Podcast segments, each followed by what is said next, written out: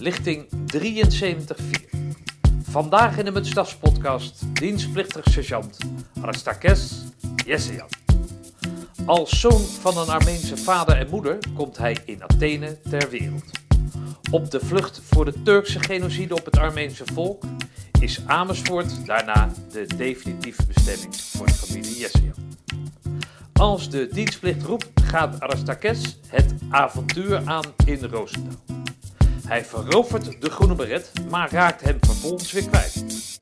Leer in dit interview of Aristakes zijn groene beret weer weet terug te krijgen en hoe hij zijn vechtlust, creativiteit en ondernemerschap moet aanwenden om zijn leven naar zijn hand te zetten. Sergeant Jessejan 530430 234.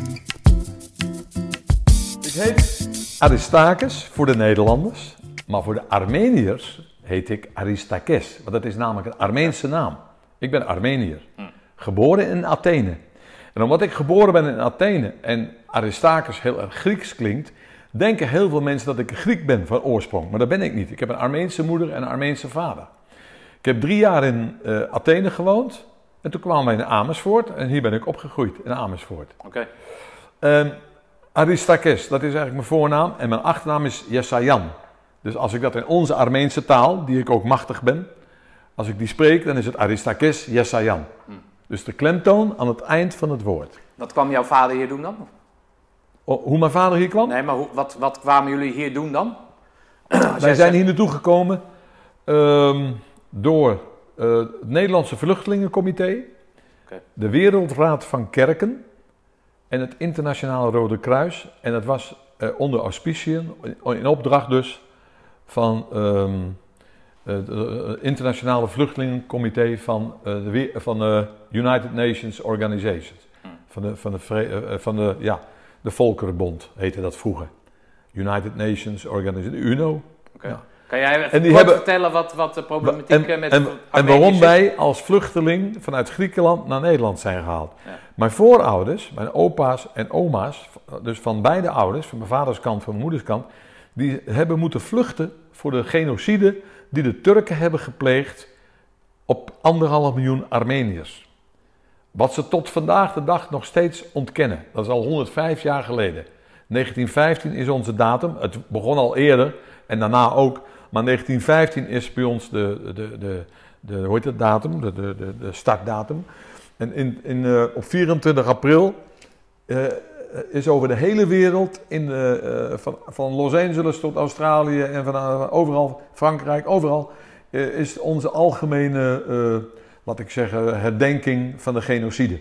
Anderhalf miljoen Armeniërs zijn vermoord, ook Ara Arameërs, dat is weer wat anders, Koerden, Grieken, maar voornamelijk Armeniërs. En daardoor hebben mijn grootouders moeten vluchten. Die zijn naar Griekenland gevlucht. Zo is bijvoorbeeld Charles Navour met zijn ouders, die is naar Frankrijk gevlucht. En Charles is, Aznavour is een, ook As- Armenisch van Aznavourian heet hij. En Armeense namen eindigen op Jan. Zo heb je Kachaturian, de tennisser Nalbanjan, de tennisser Agassi, dat was Agassian was dat Oh, vroeger. ja, joh. Dan hebben we Cher, de zangeres Cher, die heette Sherilyn Sarkisian. Dat zijn allemaal Armeniërs. Grappig. ja, heel grappig. Eh, dus zo zijn mijn voorouders in Griekenland terechtgekomen. Ze hadden geen Griekse nationaliteit. Ook mijn ouders hadden geen Griekse nationaliteit. We waren staatloos burger. Toen moesten we naar Nederland komen door die organisaties. Mijn ouders hebben zich daarvoor ingeschreven om ons proberen een, ja, een goed bestaan eh, te laten opbouwen hier in, in Nederland. Ja. Spraken de taal niet, niks. En toen zijn we op een Nansen-paspoort naar Nederland gekomen. Nansen, Nansen met EN aan het eind, was een Noorse eh, wetenschapper, Nobelprijswinnaar en een ontdekkingsreiziger. En die zat bij de United Nations Organization, die heeft een paspoort in het leven geroepen waarop mensen konden reizen die geen nationaliteit hadden. En zo zijn wij. Ja, een leuk verhaal trouwens. Want ik was feitelijk nog twee jaar toen, ik, toen wij in Nederland kwamen. Dat was op 26 april 1956. Wij kwamen aan in, op Schiphol, wat nu het oude eh, Schiphol Oost is, dat was vroeger Schiphol. En ehm, daar werden wij ontvangen door die hele, al die organisaties, maar ook radio, live radio, Hilversum 1 was dat. En eh, alle kindertjes kregen een cadeautje. Ik weet dit niet meer te herinneren, maar mijn ouders die, eh, die hebben mij dat verteld. Ehm, alle kindertjes kregen een cadeautje en daar waren alle eh, hoge pieten van, van het Rode Kruis, van de Wereldraad van Kerken, van de internationale, van, de, van de United Nations Organizations, de burgemeester enzovoort. Allemaal notabelen waren daar om die Armeense gezinnen, dat waren er een stuk of 15 geloof ik, vanuit Griekenland, op te vangen op Schiphol en hier welkom te heten. Alle kindertjes kregen natuurlijk een cadeautje. De meisjes kregen iets, de jongens kregen iets, maar ik kreeg geen cadeautje. Toen werd mijn naam omgeroepen. Ik weet niet of die man dat wel goed uitgesproken heeft, maar mijn naam werd omgeroepen. Vast niet. Dus mijn vader die hoorde dat, die pakte mij op, op en die liep naar die man met die microfoon. Nou ja, en toen eh, vroeg die man, is dat uw zoontje? Ja, is, is dat Aristakes? Yes, Sayan? Ja, dat is hij. Oké. Toen kreeg ik een cadeautje, maar daar zat een oranje lint omheen. Want wij kwamen dus op 26 april in Nederland. Ik was dus nog twee jaar. Vier dagen later, op 30 april, op Koninginnedag, koningin Juliana destijds, werd ik dus drie jaar. Dat was mijn eerste ontmoeting met Nederland. Oké. Is wel grappig. Ja, zeker grappig. Ja. Toen kwamen we in Amersfoort terecht. En ik, we zijn opgegroeid in Amersfoort. Nou ja, ik ben hier op school gegaan. En, eh, en eh, er zijn nog eh, vier jongens hier geboren. Ik kwam met mijn ouders, mijn oudste broer en mijn jongere zus kwamen we hier. Dus met z'n vijven eigenlijk. En toen zijn hier nog vier jongens geboren. Hey, luister eens, eh, mijn ouders zijn ook rond die tijd eh, zeg maar, vanuit eh, de Nederlands-Indië hierheen gekomen. Dit, het is de week na de, de herdenking van 75 jaar bevrijding van, van Japan. Hè? Ja. Dus er was vrij veel om te doen op, op tv. Daarin werd ook, ja, misschien een beetje zwaar voor dit gesprek, maar daar werd ook zeg maar, de verwelkoming van, hè, van die Indo's in Nederland werd er besproken. was toch vrij moeilijk. Ja. Hè, mensen die, die, die snapten toch niet helemaal eh, rot op naar je eigen land en eh, dat Ja. soort zaken. Hoe, hoe, is, eh, hoe, is jullie, hoe is jullie ontvangst geweest? Behalve dan natuurlijk dat hartelijke Ja. ontvangst op, op Schiphol. Uiterst hartelijk. Ja? Oké. Want er kwamen in 56 was ook de Hongaarse opstand. Er kwamen ook veel Oh, Hongaren naar Nederland. Ja. Hongaarse opstand. Veel Hongaren kwamen in. Men dacht dat wij Hon- Hongaren waren, maar bij ons in de straat noemden ze ons de Grieken. Wij waren natuurlijk geen Grieken, we waren Armeniërs, maar wel uit Griekenland. En we lieten het maar een beetje zo. Ja. We, we, ja, de barbecue buiten in de zomer, dat kenden de mensen helemaal niet in Nederland in 56. Oh ja, is dat zo? Dus mijn vader met stenen en dingen. eh, eh, nou, en iedereen, eh, en mijn moeder, ja, die kookte natuurlijk, zal ik maar zeggen, Armeens, schuine streep, Grieks, schuine streep, Turks. Dat, een beetje dat mediterrane. En eh, eh, ja, mensen kennen dat allemaal Ja. niet. En iedereen werd ook gevraagd bij ons, achter in de tuin. En de mensen konden zo, kom binnen, kom binnen. Dat, dat- die gastvrijheid, dat was in Nederland, was Ja. dat, dat, dat kenden wij niet. Eh, of in de Nederlanders niet. En ehm, dus wij werden uiterst hartelijk ontvangen. Eh, ik heb nooit een probleem gehad. Ik ben ook nooit gediscrimineerd geweest. Nog nooit. Dat ligt ook een beetje aan je eigen gedrag. Aan je eigen houding. Je- eh, hoe je de mensen ook benadert. En hoe je de mensen tegemoet treedt.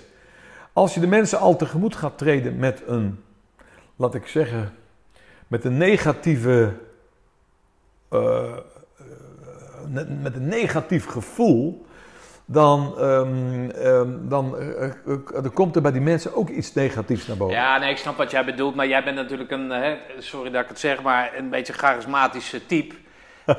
Dan hoef je niet sorry te zeggen, maar dat is nou helemaal zo. Ja, ik- maar ik wil niet slijmen. Want, eh, nee, maar snap je, dat is niet aan iedereen gegeven. Het Nee, is dat natuurlijk is niet- niet aan iedereen gegeven, het, zoals, nou ja, dat gaat weer te ver, maar bijvoorbeeld het solliciteren in het algemeen met een, met een, met een vreemde achternaam, hè, buitenlandse achternaam, dat Ja, schijnt dat is heel al, dat is al lastig. Ja. Goed, dan kan ik me voorstellen dat jou zo'n zo'n achternaam, dat, stel dat jij bij zo'n solli- dan, dan pak jij mensen in, bij wijze van. Ja, kan maar, ik, zo- eh, kan ik me eh, zo voorstellen. Als je wat een ingetogener karakter hebt, is dat gewoon moeilijk. Is, is lastiger, ja. Die ja. mensen die kruipen ook nee, achter een piano en gaan op een, op een podium staan. Dat, dat is maar weggelegd voor een, voor een bepaald soort mensen, toch? Ja, dat klopt wel. Maar je kan dat zelf wel een beetje ontwikkelen. Toen ik natuurlijk de eerste keer ook moest optreden, dacht ik ook van, jee, wat, eh, oeh, wat moet ik nou zeggen, wat moet ik doen? Dat, dat was, ook, dat was voor mij ook nieuw. Ja, Maar aldoende, aldoende eh, leert men, hè, dat is een Nederlands spreekwoord.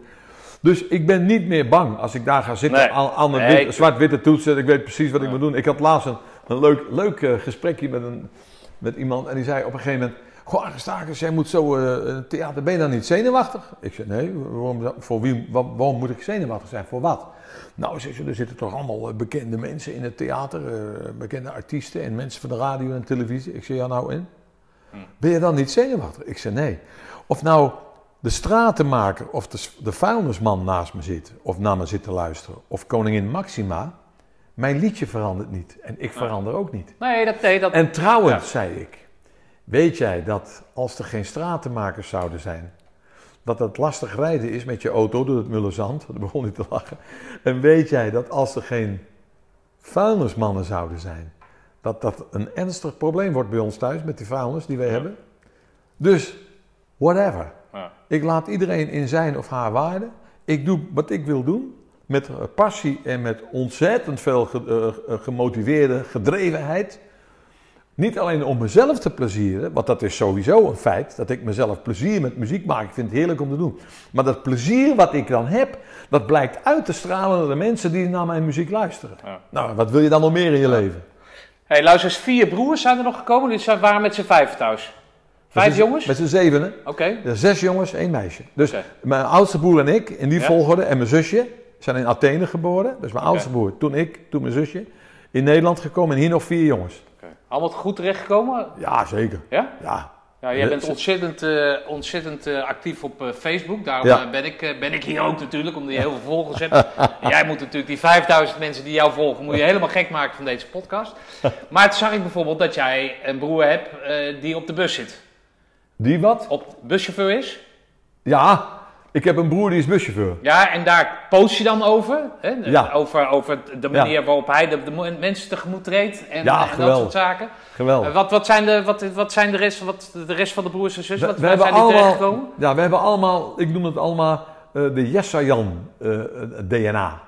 In ons DNA, omdat we nou eenmaal zo opgegroeid, opgevoed zijn en opgegroeid zijn, ehm, zit eh, vriendelijkheid, openheid, gastvrijheid, hulpvaardigheid. Dat zit in ons DNA. Dat hebben we van mijn ouders meegekregen. Ons huis met zeven kinderen en mijn ouders, dus negen personen. Dat kwam in ons huis weinig voor dat wij met negen personen aan tafel zaten te eten. Dat kwam weinig voor. Omdat er zaten Grieken, er zaten Armeniërs, er zaten Ar- eh, Spanjaarden, er zaten Turken, er zaten Joegoslaven. Van alles wat. Mijn vader was beëdigd tolk voor justitie en politie. Oké. En, en die sprak, weet ik het, zeven, zeven talen geloof ik of zo. Heel Heeft veel. hij dat in Nederland eh, is hij dat gaan doen? Nou ja, hij sprak al Armeens, Ja, lezen, hij sprak al Grieks, hij sprak al Turks, Ja, ja, hij sprak oké. Duits, en een beetje Frans. En zo heeft hij, eh, Nederlands heeft hij geleerd door de Nederlandse krant eh, te lezen iedere dag. En door zijn Duits en een Ah, beetje. Frans heeft hij ook Nederlands kunnen. Nou, en dat zo is wel de last van een talenknobbel. Nederlands last. is een lastige Ja. taal. Ja. Voor Nee, mij maar hij, niet. las, hij, had- hij, heeft dus een talenknobbel. Ja, talenknop. Ah, ja. oké. Afijn, dat, we hebben dat dus meegekregen. Ja. Met, met, eh, als jij bij ons thuis kwam, kwam je zonder eten de deur niet uit. Dat is trouwens bij Indische mensen ook Ja, zo. precies. Ja. Je moet mee eten. Dat, dat is niet Nederlands. Dat is on-Nederlands. Nu de laatste jaren is dat een beetje aan het veranderen. Maar eh, zonder eten kom jij bij ons de deur niet uit. Dat bestaat niet. Dat, dat, dat is de gastvrijheid die onze, in onze genen Nee, dat zit. zal toen eh, zeker een schok, of een schok, positieve schok zijn geweest voor Nederlandse mensen. Ja, dat was nieuw. leest. Dat was dat was nieuw. nieuw, inderdaad. Ja. Ja. Dus daarom, als mijn broer in de bus zit en dan ziet een mevrouw met lastig, dan stapt hij achter zijn stuur vandaan en dan helpt hij die mevrouw of whatever. Hij helpt ze gewoon. Dat, dat zit in ons nou eenmaal. Ja, Ja, ja, oké. mooi. Hey, luister eens, en eh, ik eh, kom hier binnen. Ja, ik wist dat je natuurlijk in de muziek zat. Ik zie die vleugels staan, prachtig uitzicht. Eh, wanneer kwam die muziek in je? Is het voor de eerste keer in, je leven gekomen? Nou, wij zitten aan tafel met z'n allen, ook met onze. En ik zit altijd met, onze, met, met mijn vingers te roffelen en met mijn vork en mes te drummen. Toen zeiden mijn ouders tegen elkaar na een tijdje van potverdorie, dat jong is muzikaal, we moeten hem, wat zullen we doen? Toen hebben ze een piano gekocht met heel, fijn, heel veel pijn en moeite. Ik kwam van school en er stond in één keer een piano in de huiskamer. Ik zei, jee, wat mooi. Dus ik ging aan de piano zitten twee vingers en s'avonds speelde ik al een liedje. Een liedje, een Armeens liedje. eh, ik, weet, ik weet niet eens meer welk liedje, maar het was een Armeens liedje volgens mij. Dus ik speelde s'avonds al een liedje. Eh, ik was zeven jaar, bijna acht jaar. Ehm, toen heeft mijn ouders hebben mij naar muziekschool gestuurd. En ik had eh, alleen één probleem. Ik studeerde niet. Hm. Ik studeerde niet. Alles wat ik hoor, fluit een melodietje, ik ga naar de piano en ik speel het. Al, heb, al, hoor ik het voor het eerst. Oké. Fluit een melodietje, een melodietje, zing een melodietje. Ik ga naar de piano, ik speel het. Al hoor ik het voor de eerste keer. Dat heb ik nou eenmaal, die muzikaliteit. Andere kinderen bij ons, mijn zusje kan fantastisch mooi zingen. Een, een, een, een, stem als een juweel, als, als een diamant zo zuiver. Mijn jongste broer, die buschauffeur dus, is een perfecte drummer. Een van mijn broertjes, de, de, de, de journalist, speelt eh, ook een beetje viool. Dus we hebben allemaal, we hebben allemaal wel iets eh, muzikaals. Mijn ouders zongen en eh, vroeger, thuis aan de piano bij ons, dat was één groot feest. Dan zongen we Armeense of Griekse liedjes of anderszins. En iedereen was dan aan het meezingen en doen ook de, de- onze gasten die bij ons in huis waren. Dus eh, zo zijn we opgevoed. Dus die mu- muzikaliteit is van jongs af aan al met de pap, pap En hoe, hoe heb jij dat, sinds welke leeftijd ben je daar dan, heb je die beslissing genomen van ik ga daar wat mee doen? Of is dat, zat dat Ik er altijd al in? Ja, nee, niet echt, niet echt. Ik speelde al eh, in, een, eh, in een bandje, toen was ik 14 jaar, in een Indisch bandje in Amersfoort, de Intruders. En eh, daar speelde ik al, de toetsen. En toen moest ik in militaire dienst. Ik heb bij de Korps Commandotroepen gezeten als sergeant. Ik was van lichting 73-3 voor de commando's 73-4. Eén dag voor mijn afzwaaien heb ik een zeer ernstig auto-ongeluk gehad. Waarbij mijn rug is gebroken. Oeh, Waarbij, mijn rug, om. waarbij mijn rug is gebroken. oké. Zie je dat? Ja. Maar het wijst Ik- op een, ik- eh, ik- op ik een bobbel, hè? Een, verdikking of zo op je, op nee, dat- rug die rug is zo, die hebben ze zo laat aan elkaar gegroeid. Dat ga ik nu vertellen. Oké. Ik ben in slaap gevallen in een auto. En ik werd wakker in het ziekenhuis. Stonden allemaal doktoren en zusters en alles. eh, Alles stond op mijn bed. En mijn ouders stonden om mijn bed. Bij het bed. Oh, hij komt bij, hoorde ik. Dat kan me nog herinneren. Ze lieten een röntgenfoto zien van mijn rug. En die stond zo, die rug. Zo, echt. Bijna 90 Ja. graden. En toen zeiden ze, hij komt bij, hij komt bij. Oh, nou, kijk eens. Dit is je rug. Je hebt je rug gebroken op twee plaatsen. Je bent verlamd. Je gaat eh, je leven lang in een rolstoel. Je moet naar Leersum, naar het revalidatiecentrum. Oké. Ik had pijn in mijn hele lichaam. En ehm, ik bewoog op een gegeven moment mijn benen. Alle, allebei mijn benen. Alle twee mijn benen. Bewoog ik. Toen zei een van die artsen of die zuster, ik weet niet eens meer, die zei, zag ik nou jouw benen bewegen? Toen deden ze van alles, voel jij dit? Ik zei, ja dat voel ik. Mijn knieën, voel je dit? Ik zei, ja dat voel ik. Dus toen zeiden ze, jeetje, ze keken nog een keer, dit, dit kan helemaal niet. Jou, jij hebt gewoon een dwarslesie. Dit, dit, volgens de foto's heb jij een dwarslesie. Nou, toen zei mijn moeder, God houdt van jou, op zijn Armeens. Astvats gesirekezi. Astvats gesirekezi. God houdt van jou. Toen zeiden ze, die doktoren, we hebben twee mogelijkheden. Of we gaan je nu opereren en dan zetten we die wervel weer recht. Of we laten het zo fixeren. Dat meen je niet, hè? Ja? Oké. Of we laten het fixeren, want je hebt je benen nog. De kans is namelijk groot dat tijdens die operatie Ja. wij een, een, een eh, zenuw raken en dat je dan alsnog verlamd bent. Je hebt nu je benen. Dus blijf, blijf maar. Toen moest ik zes maanden plat liggen in een speciaal gipsbed. En toen kwam ik met zes weken weer thuis door mijn opleiding, commandoopleiding. Eh, Dat heeft me kennelijk een beetje. eh, mijn, mijn conditie was top, gewoon top. Ehm, toen, was ik met zes weken thuis. Ik kreeg een corset om, twee van die, van die krukken. Die ik na een paar dagen aan de kant gegooid. Ik zeg tegen mijn moeder, mama, want ik, ik woonde nog gewoon met mijn ouders. Ik zeg, ga lekker een beetje piano spelen hoor weer. Dus ik, ik zat lekker thuis een beetje te componeren en te, spelen en te doen. En weet ik, het. ik was nog geen beroepsmuzikus. Toen belde een jongen mij op, eh, een Indo ook. Hij zei, Aristarchus, ik heb een afspraak met een vriendin in Arnhem. Eh, mijn auto is kapot. Kun jij mij naar Arnhem brengen? Ik had een Alfa Romeo destijds. Alfa Romeo 2000 GTV. Mooie auto. Ja, en ik had een uitkering trouwens van de WAMIL. Wet arbeidsongeschiktheid militairen. Ja, maar e- even terug. Dat, het was geen dienstongeval, toch? Het was in privé-tijd, hoor. Ja, Ja, je was, was, natuurlijk... het was geen dienstongeval, maar wel een ongeval in, In de militaire dienst. Ja, ja, dus daarom kreeg ik een uitkering van de WAMIL. Wet arbeidsongeschiktheid militairen. oké. Dus wat was op dat moment even je redding? Ja, ik had heel veel geld. Ik kreeg heel veel geld iedere maand. Dus ik, ik, hoefde, niet meer, ik hoefde nooit meer te werken. Tot mijn dood Is dat zo, joh? Ja, ik hoefde nooit meer te werken. Die uitkering was tot mijn dood. Die heb, en die heb ik uiteindelijk, dat zal ik je straks vertellen, uit mezelf gestopt. Iedereen zegt, je bent gek. Ik zeg, ja dat klopt, ik ben gek. Maar goed, wij gaan naar Arnhem. We komen daar terecht op de Korenmarkt. Ik zet de auto daar neer, dan kon je nog Maar jij auto- zat nog in dat gips? Of Nee, was je de nee, auto was je er al nooit in het gips geweest. Oh, oké. Nee, alleen een, een, een corset had Oh, ik om, maar die had ik ook wel aan de kant gegooid. Oh, oké. Dus ik deed gewoon, ik deed gewoon, eh, eh, nou ja. Ehm, wij naar Arnhem, op de Korenmarkt, biertje drinken, biertje drinken, op het terras. En die jongen die gaat naar het toilet, die zegt, hé hey, er staat een vleugel hier binnen. Ik zeg, ja dat is goed, lekker laten staan. dus op een gegeven moment, na zoveel biertjes, ging ik ook naar de wc. En, eh, en ik kom terug, die vleugel inderdaad, die stond daar met een kleed erop, een plant erop, tijdschriften. Die vleugel was dicht. Dus ik ga naar die vleugel, ik doe die klep open, er lag ook nog zo'n doek op, over de toetsen. En ik ga zitten en begin te spelen. Aan de bar draaiden een stuk of zeven, acht mensen zich om. Dan denk ik, wat gebeurt daar dan?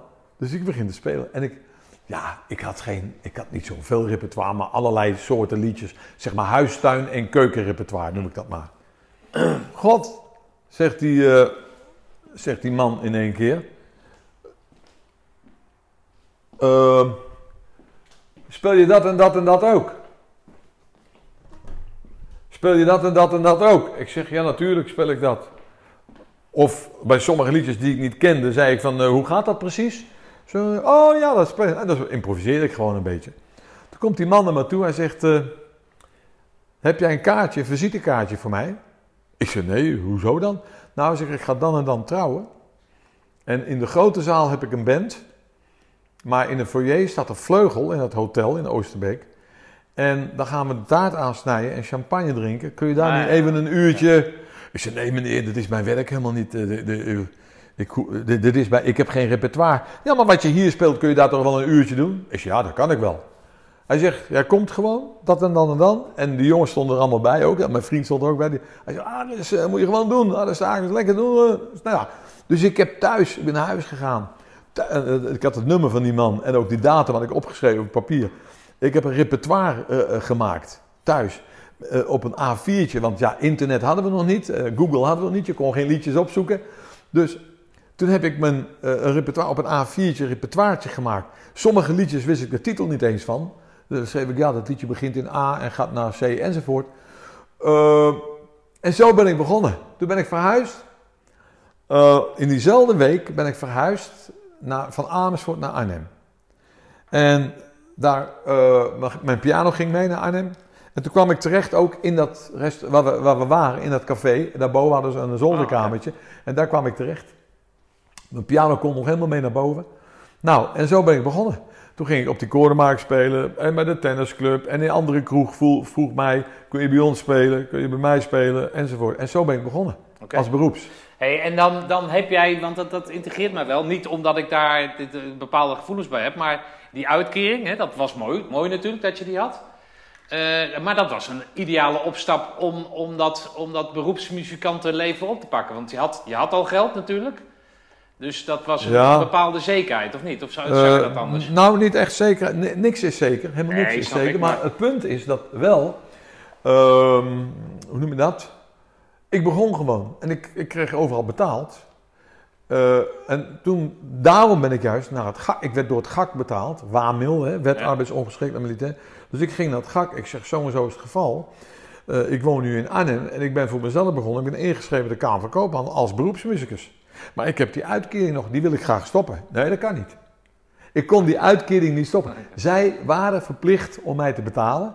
En ik blijk eh, verplicht eh, eh, geweest te zijn om die, om die uitkering te ontvangen. Ik zeg, maar ik wil het niet. Ja, maar je moet het toch. Ik nou ja, ik dan storneer ik het wel. Dus ik ging naar mijn bank. Toen heb ik het twee of drie maanden, ik weet niet meer precies uit mijn hoofd, twee maanden, nou zeker twee maanden, heb ik dat geld teruggestort. Toen kreeg ik een aangetekende brief van het GAK. Toen moest ik 's morgens vroeg om 9 uur komen. En toen zeiden die heren, er waren drie van die heren, die zeiden van, ja, jij stort dat geld terug, maar dat mag helemaal niet. Dat is tegen alle regels in. Ik zeg, maar heren, ik heb dat geld niet nodig. Nou, hoeveel verdien je dan?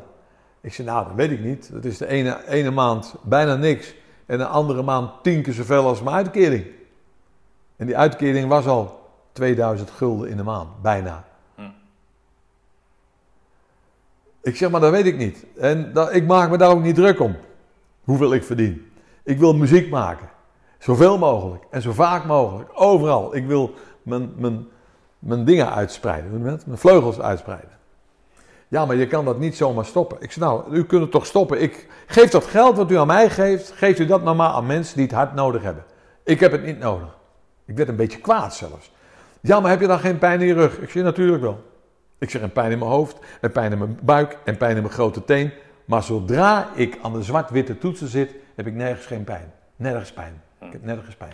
Niet in mijn buik, niet in mijn, en ik heb geen honger. Ik heb geen dorst. Dat is het. Dus alsjeblieft, heren. Oké, meneer Jesajan, als u dit tekent, bent u van ons af. Dus ik tekende meteen. Toen zei die andere man, had u dat niet eerst moeten lezen? Ik zie wel. Maar ik weet al wat erin staat.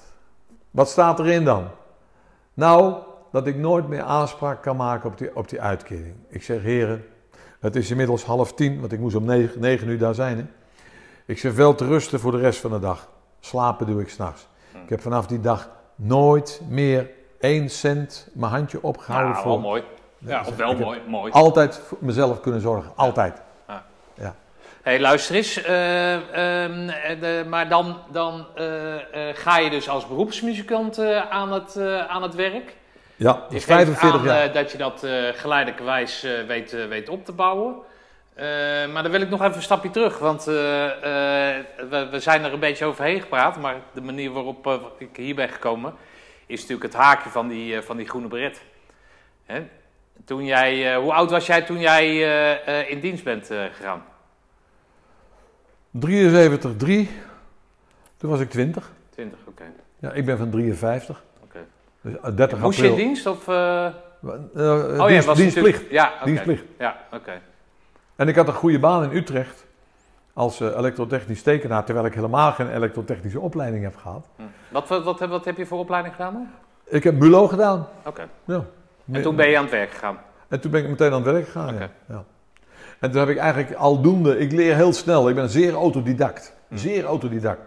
Eh, ik leer heel snel dingen. Eh, daar, daar komt, eh, wat, ik, wat, wat mijn ogen zien, kunnen mijn handen doen. Of, whatever. ik kijk naar een pianist, wat doet hij daar? Of ik kijk naar een drummer, ik kan ook drummen namelijk. En een beetje gitaar spelen. Ik kijk naar een drummer, wat doet hij met zijn rechterbeen? Wat doet hij met zijn... Oh, hij doet... Oh, dan kan ik het ook.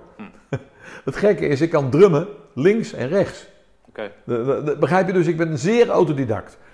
Eh, ik heb een broertje dood aan het studeren. Ik kan niet studeren. Op school dat, deed dat ik ook niet. Nou, dan is het lekker dat dat gecompenseerd Ja, dat- wordt ik met, ben met natuur, ja. natuurlijk. Eh, de mensen zeggen, jij schrijft iedere dag op Facebook. Maar, eh, Waar heb je dan die opleiding? Ik zeg, ik heb geen opleiding. Ja, maar hoe komt het dat je zo beeldend kunt schrijven? Ik zeg, omdat ik schrijf wat waar is. Wat, wat ik schrijf is echt, is puur, Ja. is waarheid. Dus dan kan ik dat ver- verbeeldend weergeven. Hm. Nou, zo simpel is het ook eigenlijk. Goed, je hebt een goede baan en dan roept de dienstplicht. Ja, en toen ehm, dacht ik, ja, ik kan natuurlijk in een, in een, de hele dag in een jeep gaan zitten als chauffeur, een checkie roken en wachten tot de tijd voorbij gaat. Zeg maar, ik kan ook proberen om mijn diensttijd zo nuttig mogelijk in te vullen. En toen kwam ik bij de, ik heb mezelf aangegeven bij de Korps Commandotroepen. Ik moest opkomen in Ermelo, daar heb ik twee maanden gezeten en toen kwam ik in Roosendaal. Ja. Daar kwamen ze werven of heb jij gezegd van joh, ik wil eh, bij het uh, Nee, ze kwamen, ze kwamen in Ermelo met zo'n met zo'n eh, PR-commissie van, van de Groene Beretten, weet je wel. En toen heb ik me ook opgegeven. Ik had wel bij, me, bij de keuring al opgegeven. En toen daar bij die man ook. Ik weet niet eens. Volgens mij was dat sergeant-major Derks. Als ik me niet vergis. Dat was ook mijn sergeant-major tijdens mijn opleiding. Oké. Sergeant Voets. Sergeant-major Derks. Mijn sportleraar was Willem ten Barge. Ik heb, eh, hoe heet hij nog meegemaakt? Met die grote snor, die rode. Baks? Eh, tak. Tak, Tak. Jean Tak, ja. Tak, Ja, ja, ja. Ik ben jullie moeder, zei hij altijd. Ja, Tak, ja, die, die was bij ons eh korpsadjudant. oh ja. Ja, wij, zijn, wij, wij schelen natuurlijk bijna tien jaar zeg maar, qua lichting. Ja. Dus ja, die Voets, dat is ook een bekende naam, maar die heb ik dan zelf niet, zelf niet meegemaakt. Ja. En telegrafie van in die hokjes daar, die, telegrafie dingen hadden we ook. Ja, ze hebben allemaal een Ze hebben allemaal Hen- Hendricks, nee, heette die Hendricks? Nee. En eh, Jelle Schepers Ja, was mijn oh ja. instructeur ook. Ah, oké. Ja. Ja, die, die, die heeft echt lang meegelopen. Hè? Want die hadden, dat was Jean bij de ECO bij mij. Oh ja, Ja. Dus Dat was mijn, eh, een van mijn instructeurs ook. Ah, oké. Jan Major Derks, Jelle Schepers, Voets. Oh, zo, ja, die jongens, daar Ja, heb ik opleiding van. Hey, wat, eh, jij bent eh, eh, niet anders dan, dan dat je toen was, denk ik. Dus je bent makkelijk in de omgang. Ja, had je daar profijt van binnen, die, binnen die omgeving? je bedoelt in het... In, Binnen, binnen zo'n dienstomgeving. je moet je Ja. even uitvoeren wat ik zeg. En, en regels en orde en netheid. Kon je dat tegen? Ja hoor, ja hoor. Nou ja, ik, wij, wij- zijn best ook wel disciplinair opgevoed thuis. Hè. We waren wel vrij, Ja. maar we, we hielden ons aan de regels. Mm. En dat is toch wel belangrijk hoor, echt. Als, als je als kind ervan... Kijk, mijn visie is momenteel, wat nu in de huidige samenleving heerst... dat de kinderen bepalen wat er gegeten wordt. De kinderen bepalen wat er op, waar, er, waar naartoe wordt gegaan met vakantie. Ah, wij gingen niet eens op vakantie. Wij aten wat de pot schafte. Dat zit in onze genen. Zo zijn we opgevoed door onze ouders. Zonder eh, eh, eh, een militaire drill, zeg maar. Gewoon met vriendelijkheid en Maar uit... heeft dat met, dat met je Armeense achtergrond te maken of gewoon met de generatie van toen? Beide, denk ik. Ja, Ja, ja, ja. Wij, wij- als, als wij bezoek kregen, bij ons thuis, gasten kregen, dan stonden we allemaal op, we gaven die mensen allemaal netjes een hand Hm. en we waren weg. Nee. Wij Wist bemoeiden wist- ons niet, wij zaten niet daar waar de ouderen zaten te praten. Dat Ja. deden we. Waren weg, we waren naar onze kamer weg, naar vriendjes, weet ik het wat. Ja. Dat, maar dat, vandaag de dag blijven ze nog zitten met, met, met, de, met hun voeten op tafel, notabene. Eh, al zelfs, we hebben meegemaakt vrijend een jong stelletje wat er gewoon een beetje aan het knuffelen. Ja, dat was in onze, in onze cultuur is dat Doe jij er toch een romantisch Dat muziekje niet, overheen, Dat kan niet. dat kan niet. Dat kan niet. Dat kan niet. Dus jij had met die discipline en eh, orde en tucht, had jij binnen, binnen dat Roosendaals had jij geen moeite? Geen moeite. Totaal niet. Nee. Oké. Met zoveel waren jullie? eh, weet je dat nog? Met zoveel jullie opkwamen? Ik weet, 80 ik, of zo? ik, of, weet eh? dat, ik weet dat niet meer, joh. Ik, weet dat, ik heb wel ergens foto's nog. Eh, moet ik even, moet ik, dan moet ik even diep graven hoor. Nee, dat hoeft niet, maar Ja. het was meer van Ja. dat, je, dat je het weet. Mannetje of 40 of zo, denk ik. Nee, nee. Mannetje of 30, ja. 30 denk ik. Hm. Ik weet het niet meer. Nee, oké. Eh, Van de Konijnenberg staat bij ons. eh Jo Huntjens, een bekende wandelaar. Die loopt echt kilometers. eh, dat is zo'n... zo'n zo'n Lange afstand, Ja, lange afstand lopen. Eh, ja, die, die zat dan bij ons. Nog contact mee met, eh, met eh, veel van die jongens of niet? Een aantal, ja. Oké. ja. Oké. Maar goed, dus dan, dan lo- doorloop je die tijd. 104 was het toen, hè? 104 Ja. waarnemers voor kindercompie. Eh leuke dingen nog die naar boven komen vanuit, Nou, vanuit die tijd? er gebeurde iets heel geks met mij. Ik heb namelijk niet mijn hele diensttijd in Roosendaal afgemaakt. Want we hadden dingen, ik klim die klimtoren op en ik val 14, 13 meter of zo. Ik glij uit, ik, ik had zand onder mijn eh, schoenen, want daar beneden ligt allemaal van dat witte zand. Ik, had, ik glij uit en ik val van de klimtoren Dat af. meen je niet, hè? Ja. Van de voorkant of zo dan? Ja, van die zijkant, die trappetjes. Oh, oké. ja. Die zijkant. En ik val met mijn rug. Weer op die rug. Ja, Oh nee, dat, dat was nog niet aan de Nee, hand. toen had je hem nog niet. Ja. Maar toen is er waarschijnlijk iets al in mijn rug gebeurd. Want ik heb twee dagen of drie dagen in een ziekenboeg gelegen. En wij moesten eigenlijk op oefening. Maar ik kon niet mee. Hm. Want ik lag in, in, in, in de ziekenboeg.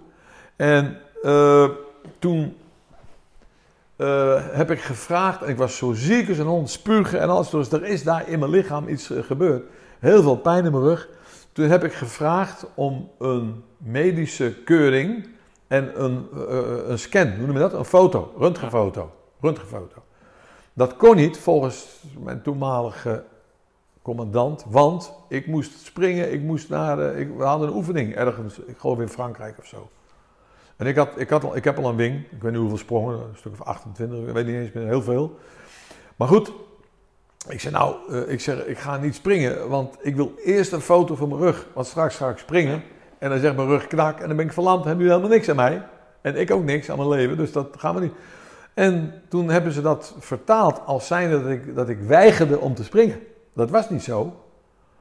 Toen, moest ik, toen werd ik verplaatst van Roosendaal naar Havelte. Bij de landmacht. En toen eh, stond er in de, eh, in de, in de omschrijving dat ik eh, niet meer gerechtigd was tot het dragen van de groene bret, omdat ik geweigerd had. Achteraf blijkt dat dus een foutieve constatering te zijn geweest. Dus als ik gewild had, had ik heel veel geld van het leger kunnen krijgen. Al die jaren, al die jaren dat ik in mijn hoofd eh, eh, eh, heb gedacht dat ik geen groene bret meer mocht draaien- dragen. Ehm, eh, maar dat heb ik niet gedaan. Nee, niet wetende dat daarna dat staartje nog kwam met, met, met je rug, met dat ongeluk. Niet weten dat het ongeluk Ja. nog kwam. Ja. Dus Maar tijdens, eh, even terug, Havelte, en toen mocht je daar je beret dan niet dragen. nou, volgens mij dus niet. Volgens, de, volgens achteraf zal ik maar zeggen, dus eigenlijk wel. Ik had daar Ja, ook helemaal niet moeten zijn. Dat ze mij weggestuurd hebben was onterecht, was tegen de regels zelfs. Oké. En ik heb daar met een advocaat over gepraat, de bekendste advocaat in Nederland. Hij is zelf oud-marinier. Oh, ja. Gert-Jan eh, Ja, knoop. Koop- Knoops. Hij zegt, Aristarchus, we hebben een, we hebben een, eh, we hebben een, eh, een, Een zaak. een zaak. En toen gebeurde het volgende.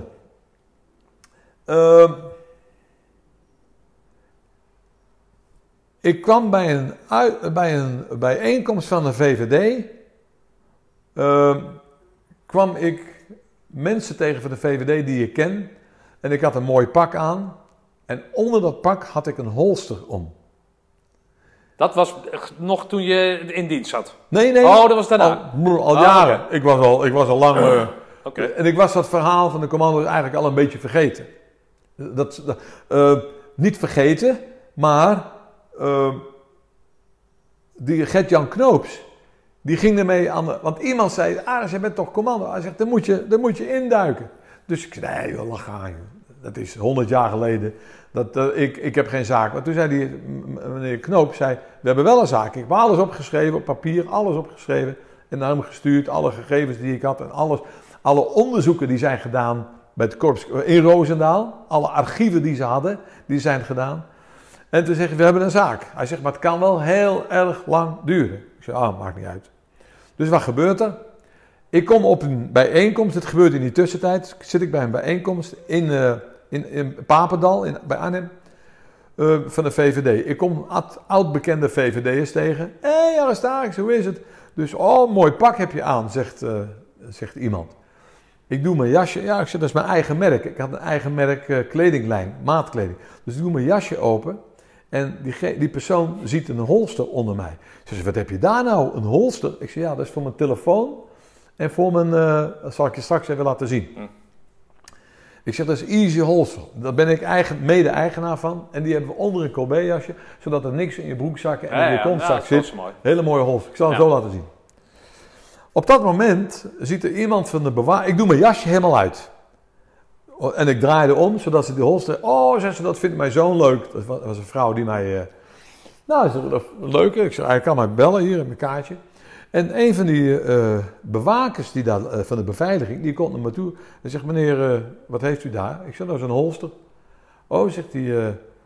ik zeg, dat is handig, want... en toen komen we in gesprek met elkaar. Hij zegt maar, ik, zeg, ik ben ook wel scherpschutter trouwens hoor. Ik was met KZT scherpschutter op pistool, op de Browning. Met KZT, zegt hij. Ja, ik zeg korps commandotroep. Hij zegt, dat weet ik. Want ik ben ook commando en mijn collega is ook commando. Wie bent u dan? Ik zeg, ik ben Aristarchus, Jesse Jan. En toen riep hij zijn collega bij hem. Dat was Albert van Heiningen. Albert van Heiningen. Ja, ja. commandoloog noemt hij zich. Ja. En wie, eh, waar heeft u dat, eh, welke lichting bent u? Ik zeg 73-3, die bestaat niet. Ik zeg, ja, die bestaat wel degelijk.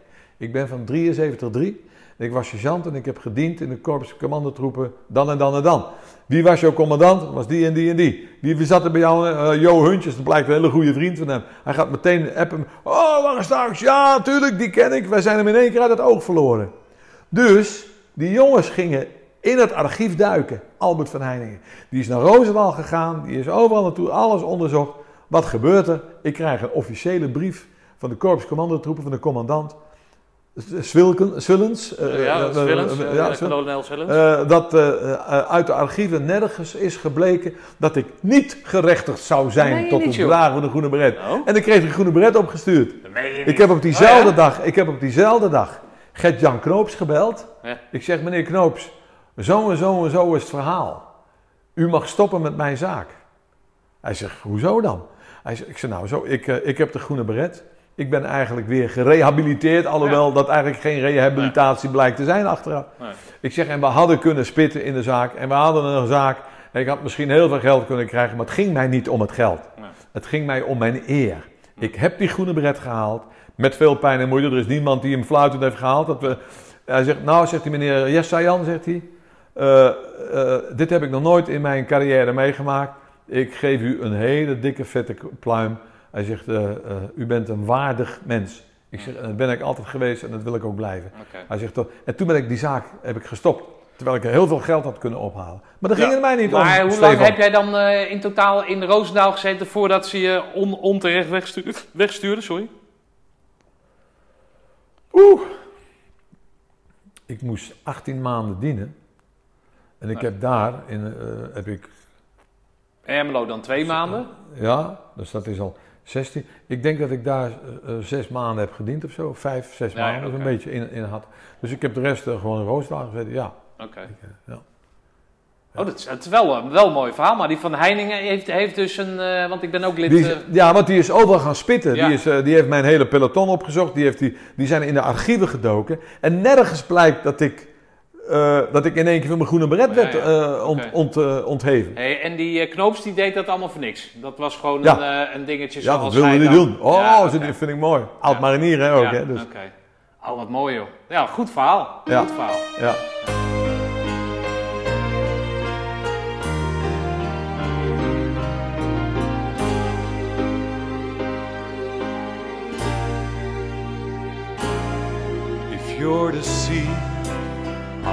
To be the water.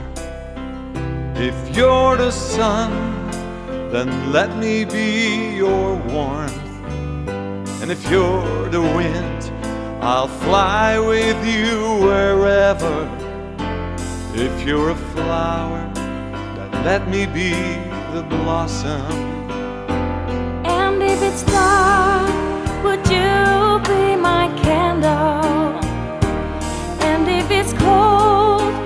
you stir up the fire? If I feel sad, can I nou, we hebben on eh, net even voor de piespauze. Dat prachtige verhaal van jou eh, vernomen van, eh, of het opgenomen van, eh, van het eh, verkrijgen of het herkrijgen, of noem je dat? Weer het ontvangst nemen van die, eh, van die groene bret. Echt een, een prachtig verhaal. ja, dat is echt zo gebeurd. Ja, nee, dat, eh, dat geloof ik zo. Jij gaat dus de dienst uit, eh, maar jij eh, rijdt jezelf eerst nog eens even bijna te pletten. Ja.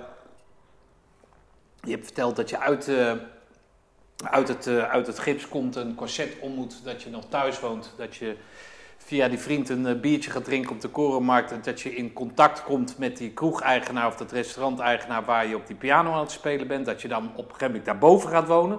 Dat je piano door je ouders eh, met eh, veel noeste arbeid verkregen, dat je die meeneemt. Ja. Dan zit je daar op die korenmarkt. Ehm, eh, jij mag gaan spelen als opdracht bij die, bij die kroegeigenaar, of de restauranteigenaar op zijn, op Ja. zijn bruiloft. En hoe is je carrière daarna verlopen? Ehm, na, na de muziektoestand? Of na Nou, na, nadat jij zeg maar daarboven bent verhuisd en op zijn bruiloft... eh, Toen heb ik, eh, nou ja, ik was natuurlijk wereldberoemd in Arnhem en omstreken. En toen kwam ik op een evenement, eh, hoorde, ik maakte al, ik schreef zelf al wat liedjes, dus ik maakte al wat plaatjes, platen opnemen.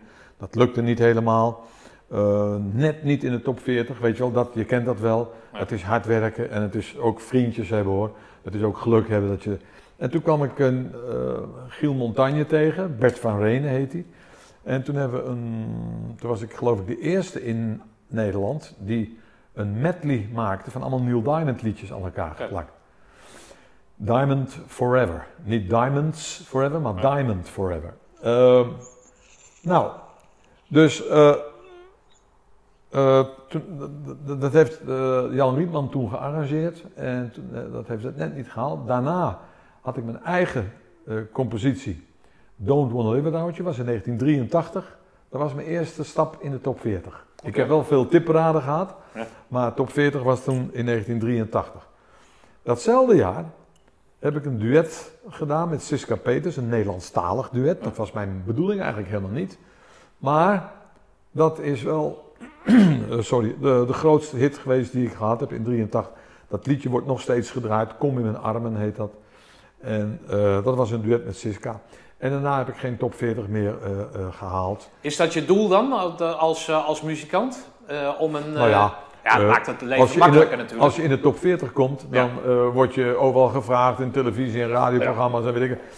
Ik heb ook veel radio en televisie gedaan hoor. Top 40, eh, eh, hoe heet het? eh, Top Op, Nederland Muziekland, Veronica, diverse keren. Eh, radioprogramma's, diverse keren. Eh, Had je, toen had je NCRV eh, los vast. Ja. Heb ik ook diverse Zaterdagmiddag toch? hè? Zaterdagmiddag, ja. Heb ik ook diverse keren in. in Maar is, het dan, is dat de smet op je carrière dan? Dat Zo'n Nee. hit die je niet Nee. hebt? Nee, nee, nee, nee, nee, nee. Want ook zonder hit had ik genoeg werk hoor. Meer dan zelfs. Oké. Ehm, eh, ik, had, ik had genoeg werk om, om eh, mijn eigen boontjes te doppen, maar zo te zeggen. En ehm, nou ja, dat blijkt wel. En, eh, en toen kwam op een gegeven moment. Oh ja, ik heb nog een. eh, een eh, toen woonde in Arnhem, of toen, eh, eh, toen, had ik ook, toen was ik ook met Nicole inmiddels samen. Nicole werkt bij de KLM. Zij woonde toen in- Amsterdam en ik in Arnhem. En toen zeiden we, nadat we eerst elke keer heen en weer reden naar elkaar. ehm, toen kwam eh, eh, Benny Nijman bij me, want ik had een Grieks klinkend liedje gemaakt. Omdat Benny veel ehm, Griekse liedjes ja, ja, vertaalde naar het Nederlands. Toen zei ik, Benny, ik heb een liedje voor je. En toen kwam hij met, zijn, eh, met, met Hans, Hans van Barneveld. En toen zei hij, goh, wat leuk, leuk liedje. Ja, dat gaan we doen, dat gaan we opnemen. En toen zaten we zo te filosoferen. Hij zegt, eh hey heb je het allemaal wel voor elkaar? Ik zei, wat bedoel je? Ik heb het toch voor elkaar? Ja, maar wat bedoel, eh, wat bedoel je? Hij zei, nee, eh, voor, met geld. Ik zei, nou, dat interesseert me niet, joh. Ik verdien geld. Ja, nou en? Iedereen verdient geld. Eh, ja, maar ehm, voor later. Ik zeg, wat bedoel je met later? Hij zegt, later moet je toch goed... Ik zeg, nee. Ik zeg, ik verdien geld voor vandaag. Niet voor later. Waarom niet? Toen zeg ik, Benny, later is te laat. Oh, zegt hij. Dat is een mooie kreet. Dus hij schreef dat op. Hij gaat eh, zijn album uitbrengen, waar mijn liedje ook op kwam te staan. Dat liedje hebben we getiteld In Vuur en Vlam. En dat album waar mijn liedje op staat heet Later, Later is is te laat. Ah, mooi. Leuk, mooi hè? Ik, Ja. doe dat, ik doe dat ook in mijn, in mijn, in mijn eh, concerten. Later is te laat. Met ditzelfde verhaal. Ja. En dus ik ben eh, nu 45 jaar beroepsmuzikus. En de laatste 2,5, 3 jaar ben ik voorzichtig, heb ik voorzichtige stappen ondernomen in de theaterwereld. Dat is toch een andere dimensie. Ja. Maar voordat we ons daarover over over buigen, kan jij mij eens, want een merendeel van de mensen, of ik, denk 99% van de, van de luisteraars, ja, u, ehm, eh, is natuurlijk helemaal niet op de hoogte, ja, misschien wel van een beetje ondernemerschap, maar niet hoe je dat als muzikant doet. Hoe, kan jij vertellen hoe je dat, hoe je dat, hoe je dat doet? Hoe leg je contacten? Hoe, eh, de, de, de- nou, je vertelde over die, eh, hoe heet dat, die Ja. de commandovereniging Gelderland, dat je daar een grote advertentie had. Hoe is dat gunnen? Is dat, is dat je erin vechten? Zo'n hit helpt natuurlijk, maar Ja, nee, het is, vertel eens daar eens wat over. Mijn, mijn eh, meeste werk wat ik altijd gehad heb, zonder hit zelfs. eh, eh, ik ben ergens aan het optreden en er zijn altijd mensen die na afloop zeggen: Heb jij een kaartje? Heb jij een kaartje? Nou, ik heb duizenden kaartjes uitgedeeld. Dus door heel Nederland zijn die kaartjes voor mij verspreid. En dan denken ze: oh, Potverdorie, ik zit bij de tennisvereniging. Nou, ik- jongens, ik heb nu iemand eh, meegemaakt die zet de hele tent op zijn kop. En die is al helemaal alleen en hij zit daar en al, je denkt dat er een hele band zit en noem maar op. En, dus, en dan word je gebeld, tennisvereniging Huppelepup eh, in uh, Heer Jezusveen, ik noem maar wat, het maakt niet uit waar. Eh, we hebben jouw een telefoonnummer gekregen, ben je dan en dan beschikbaar? Ik zeg ja, ik ben beschikbaar, wat kost dat? Zo, en zo maak je de deal. Ja, ja, oké. Maar dan zit je daar weer op dat tennisvereniging en da- nou, het gaat dus echt als een lopend vuurtje letterlijk. ja. En zo heb ik altijd, ik heb nooit reclame gemaakt. Die re- de reclame in het, eh, eh, eh, eh, in het blad van de. Van de Is meer sponsoring. dat- eigenlijk meer sponsoring, Ja, maar dus jij, jij eh, hoe heet dat, eh, als je ergens bent, dan ben jij je levende marketing. Ik, ben, ik ben mijn eigen. Ja. hoe heet het paal? Ja. Eh, Nou ja, goed. recla- ja. ik ben mijn eigen reclamezuil. Reclamezaal, ja, oké. Dus jij laat daar een, eh, een, eh, een, achter, een indruk achter dat Ja. mensen daarover gaan praten. Op een Ja. verjaardag gaat het over een feest of En ik zoek nog een band ja. en dan kom jij naar boven. En kennelijk raak ik de mensen met mijn manier van optreden. Maar wat is dat dan? Wat, wat, wat, Ziel. Ziel? puurheid. Echt laten zien dat je blij bent. Niet gespeeld blij, nee, blij dat, ik, dat, je, dat je daar zit te spelen, dat je dat mag doen. Ik koester ook dat, die, die gave die ik heb om zelf eh, muziek te maken en daarmee jou te plezieren, of eh, honderden mensen te plezieren, of 80 of 20, maakt niet uit. Hey, en, eh, ik, ik heb zelf veel DJ gedaan, hè, de bruiloften, partijen, dat soort zaken. Hoe ga jij om met mensen die naar je toe komen? Dat vond ik altijd een, ik vind het een leuke opmerking, maar ook een vrij dodelijke. Van, eh, hey DJ, kom eens. Weet je wel, draai jij ook leuke plaatjes? Hoe ga jij daarmee om? Jij denkt, een, hè, je, ik kan me zo voorstellen, je binnenkomt, je, je, je, je ontwaart, je, je, je, maakt een scan van het publiek en je gaat daar je repertoire op, eh, op, eh, op afstemmen. Ja. Eh, lukt dat altijd? Om, hè, om dat maar aan te geven? Het lukt. Mm, 99,9%. Maar maar dat komt ook omdat ik die partijen bijna niet meer doe. Bewust niet meer doe, bij voorbaat. Ah, dan komen ze. Hé, hey, kun je de hazes draaien? Ik zeg, nou, ik draai niks hoor. Ik speel alles live. Ja. Ja, maar hey, hazes, de vlieger. Of eh, bloed, zweet en traan. Ik zeg, jongens, luister. Als jij, eh, ik noem maar wat, Rob de Nijs uitnodigt. Ja, dat is een beetje een verkeerd voorbeeld. Als jij eh, een artiest uitnodigt die een bepaalde... Guns N' Roses. ja, en dan André Haas laten spelen. als je André Hazes, die, die, dra- die doet alleen maar André Hazes. Die gaat Ja. niet iets van Elvis Presley doen, denk ik. Of van, van André Rieu. Of, eh, dus ik heb mijn eigen, eigen repertoire. Ja. En daarom ben ik ook de theaters ingegaan. Want ik was het zat om A, achtergrondmuziek spelen, doe ik sowieso niet meer. Ehm, B, muziek te spelen terwijl de helft van de mensen met de rug naar me toe zitten tijdens het eten, doe ik niet meer. Doe ik niet meer. Al betalen ze het tienvoudige van mijn salaris, ik doe het niet. Ja, maar we willen jou hebben. Ik zeg, ja, dat wil ik wel, maar dan moeten de mensen naar me luisteren. Want dan heb ik een verhaal te vertellen. En dat verhaal wat ik juist vertel, echt verhaal, of mijn verhaal in mijn liedje, dat blijkt de mensen dus te raken. Dat heb ik al die jaren nooit gedaan. Ik heb altijd Neil Diamond, eh, Billy Joel, Billy Joel, eh, John Denver, de, de Beatles ja, ja, ja. gespeeld, Creedence, Clearwater. Ja. Dat heb ik altijd gedaan. Dus altijd liedjes van anderen. En nu ik de laatste tijd steeds meer mijn eigen dingen doe en mijn eigen verhaal vertel, eigenlijk mijn eigen leven vertel, blijk ik de mensen veel meer te raken. Hé, maar dan, dan, dan zeg maar eh, eh, dat Billy Joel en dat soort zaken, dat, dat is een baan, hè? toch? Dan, dan, Ja. ben je, dan verdien je geld. Ja? En of je nou het verkeer regelt of, eh, nou we hadden het over de vuilnisman, dan ben jij gezegend met dat talent voor die zwart-wit Ja. toetsen, zoals jij dat dan noemt. Dan ben, is dat jouw werk en nu ga je je ziel en zaligheid ga je erin leggen. ja, Maar dat betekent ook wel dat die baan, die zekerheid, hè, die zet je dan op het spel, of niet?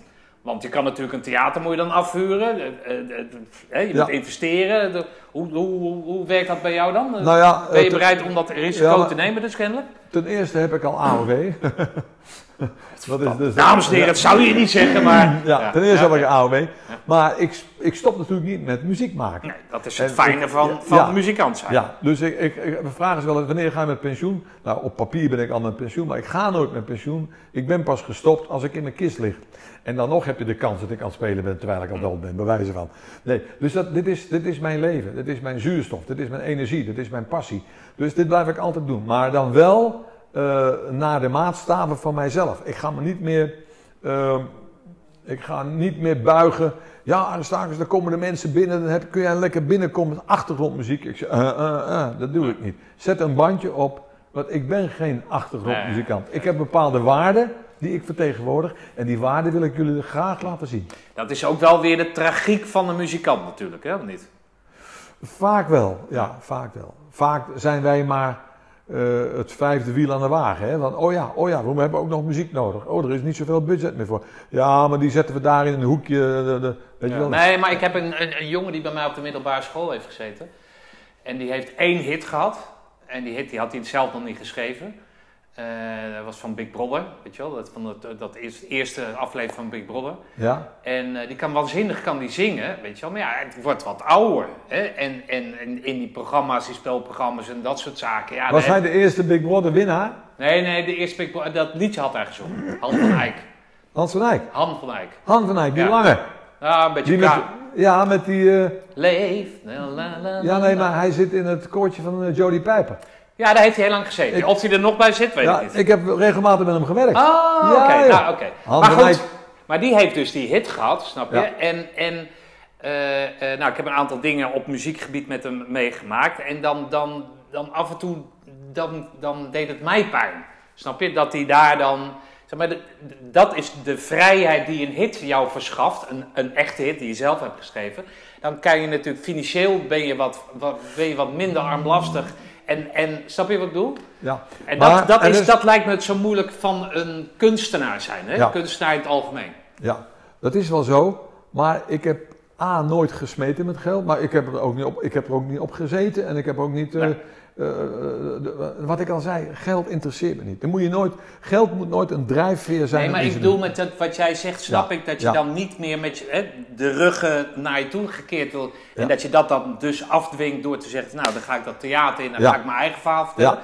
Maar dat, dat, dan, dan stel je wel heel kwetsbaar op natuurlijk. Eén, omdat je je eigen verhaal Prachtig. vertelt. Prachtig. Maar twee, moeten die mensen, en zeker in deze tijd, moeten natuurlijk ook naar je toe willen komen en willen betalen. En, en dat is natuurlijk, ja. Ja. dat is mooi dat je dat nu doet. Dat doen ze ook. Ja, Maar eh, het verhaal van Han bijvoorbeeld.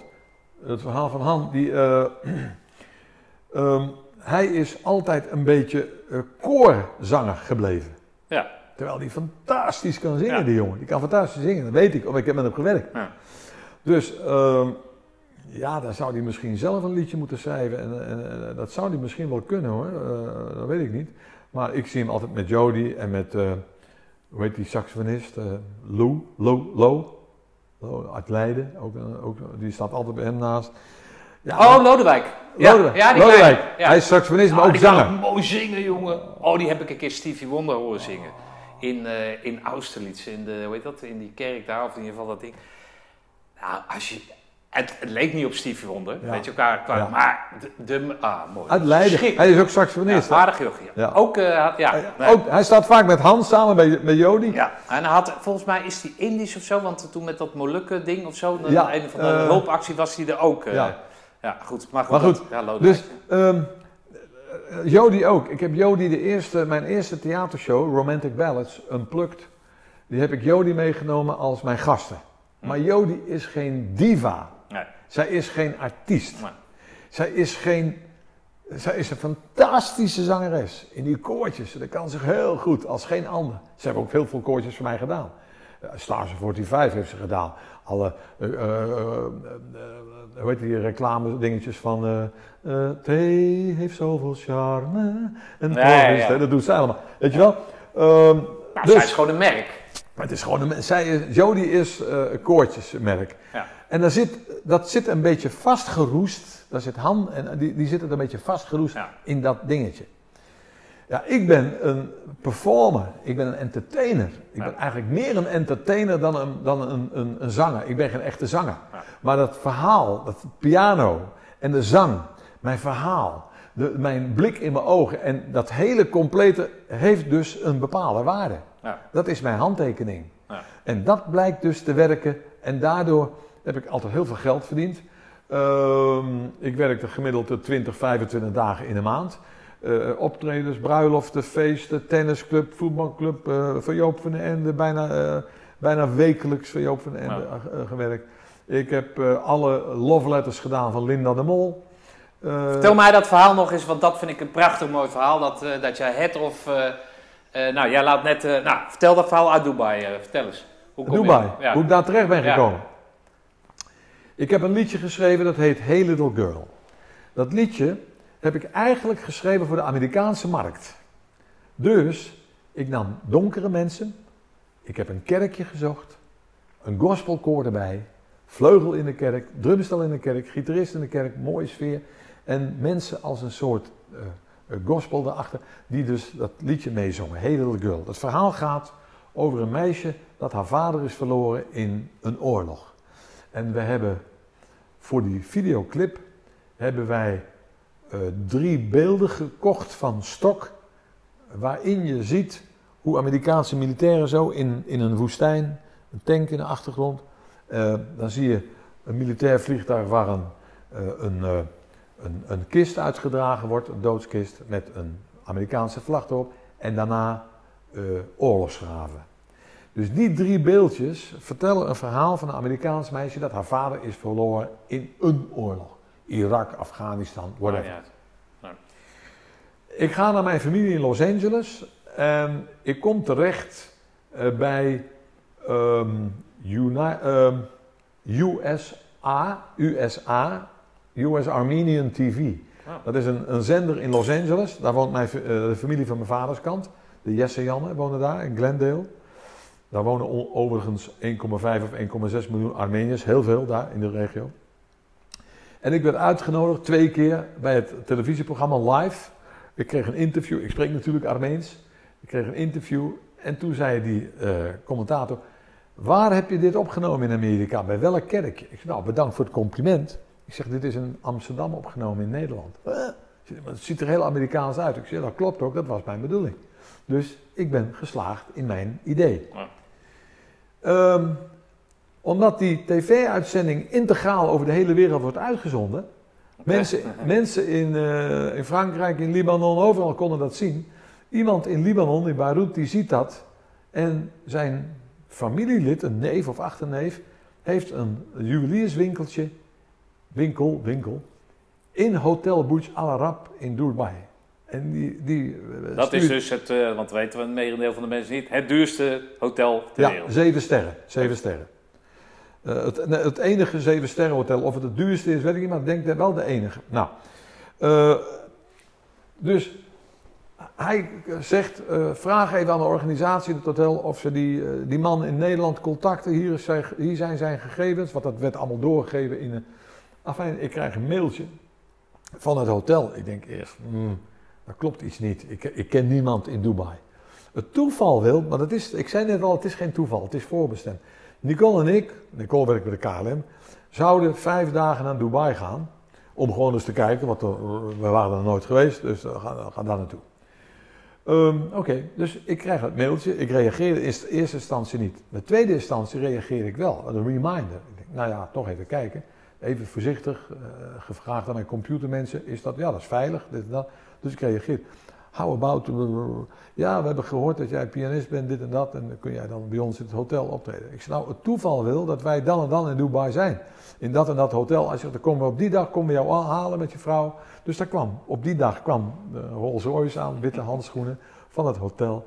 En we werden opgehaald en netjes ontvangen. En ik moest naar boven. Toevallig staat daar ook, ook weer toeval, een witte Yamaha-vleugel. Zoals die ook Nicole. Ja, Ja. precies hetzelfde. Ja. Ik zeg, wat leuk. zei wel. En daar zat ja, de directie en de, en de PR-mensen en de, en de mensen die de muziek moesten. Nou, begin maar te spelen.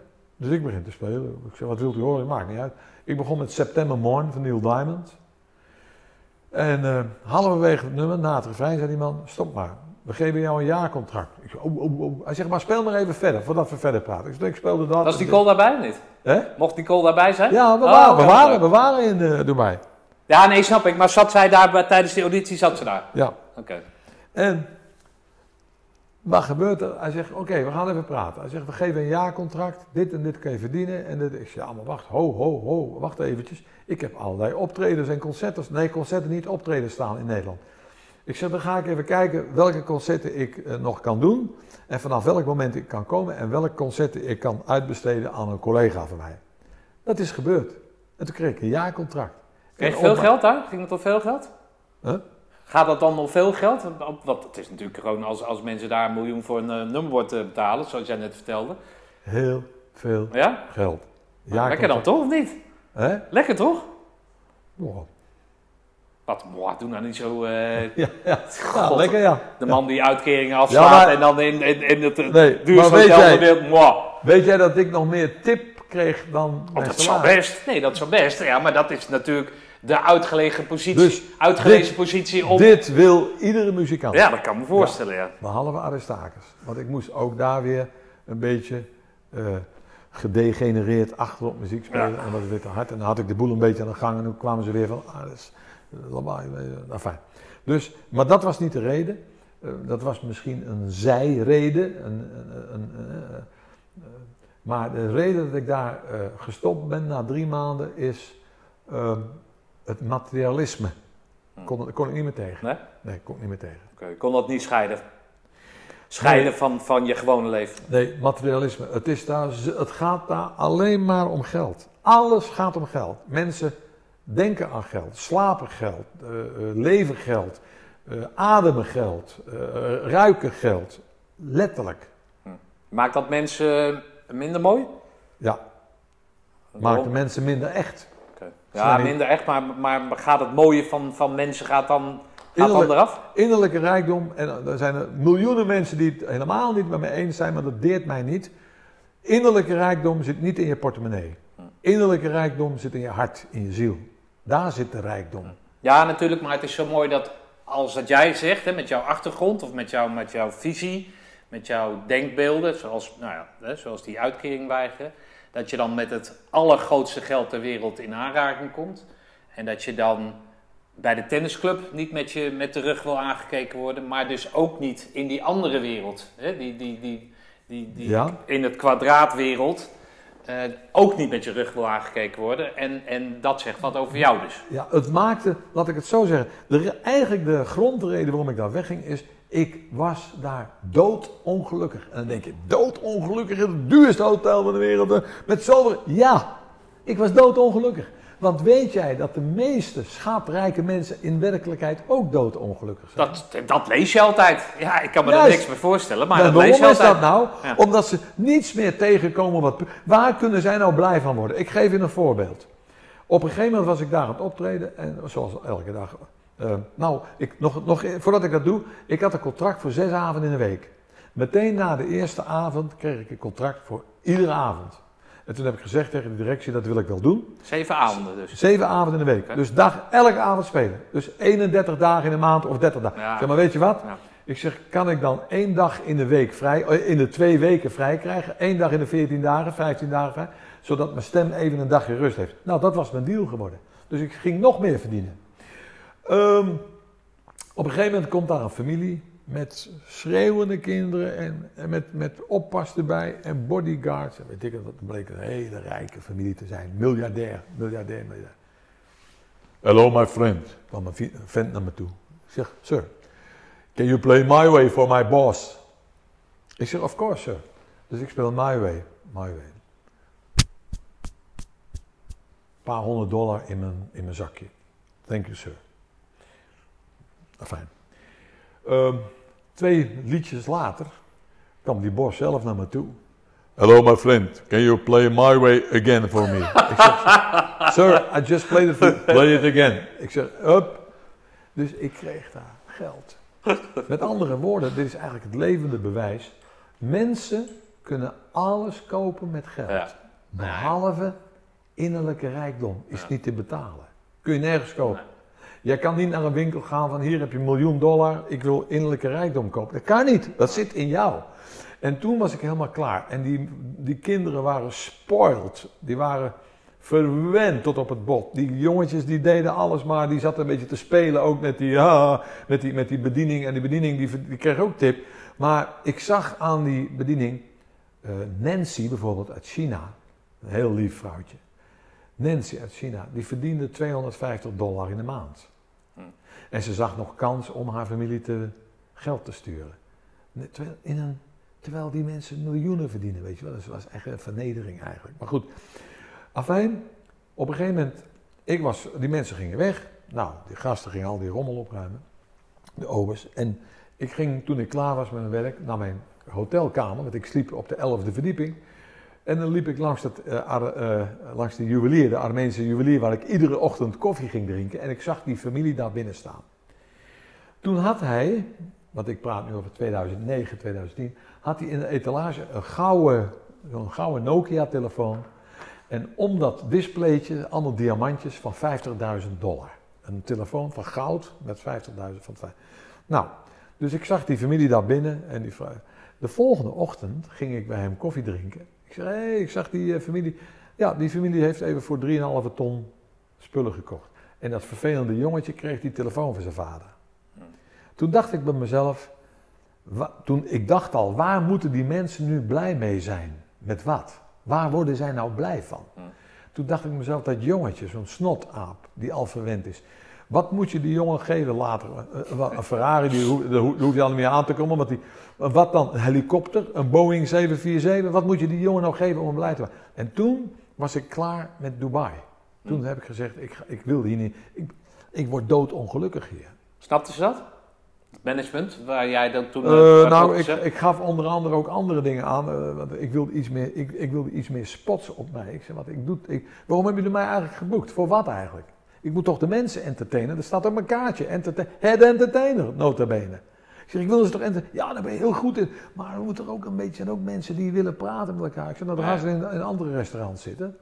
Weet je wel? Nou, dat, dus ik kreeg hier en daar wat, wat, wat, wat wrijving met de... En Dus je, je, je, wij- je weigerde de hoer te spelen, om het zo maar te zeggen. Juist. Ja. Juist. Zelfs tip krijgen vind ik al kwalijk. Ja.